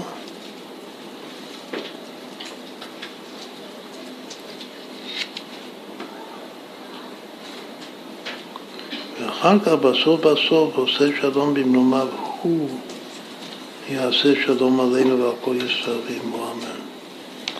אז כמה הוא יש? כאן בסוף. עוד שתיים. אז יש כמה יהוא יש כל ה... מהברכה הרביעית עד הסוף. שמע, אבל איך זה מתחלק? שש, ט', תשע ושתיים. זה צילוף, איזה אותיות זה? טוב. טוב. אבל כך זה התחיל, הוא היטיב.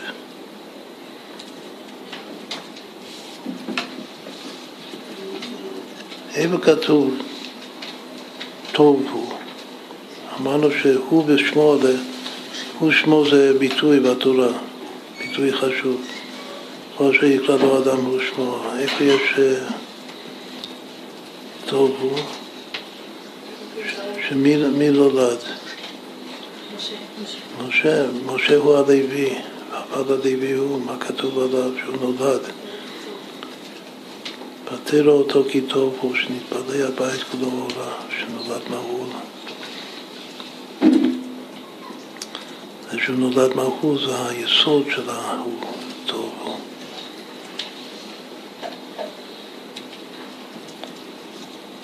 זה שנתפלא הבית כולו אורה זה שהוא ממש כבר הפך את ההוא הנסתר לגילוי. מבחינת בניין פרצוף רחל. שנקרא בניין הפרצוף העיקרי מהיחידה שבנפש. אז אם כן יש לו טוב הוא.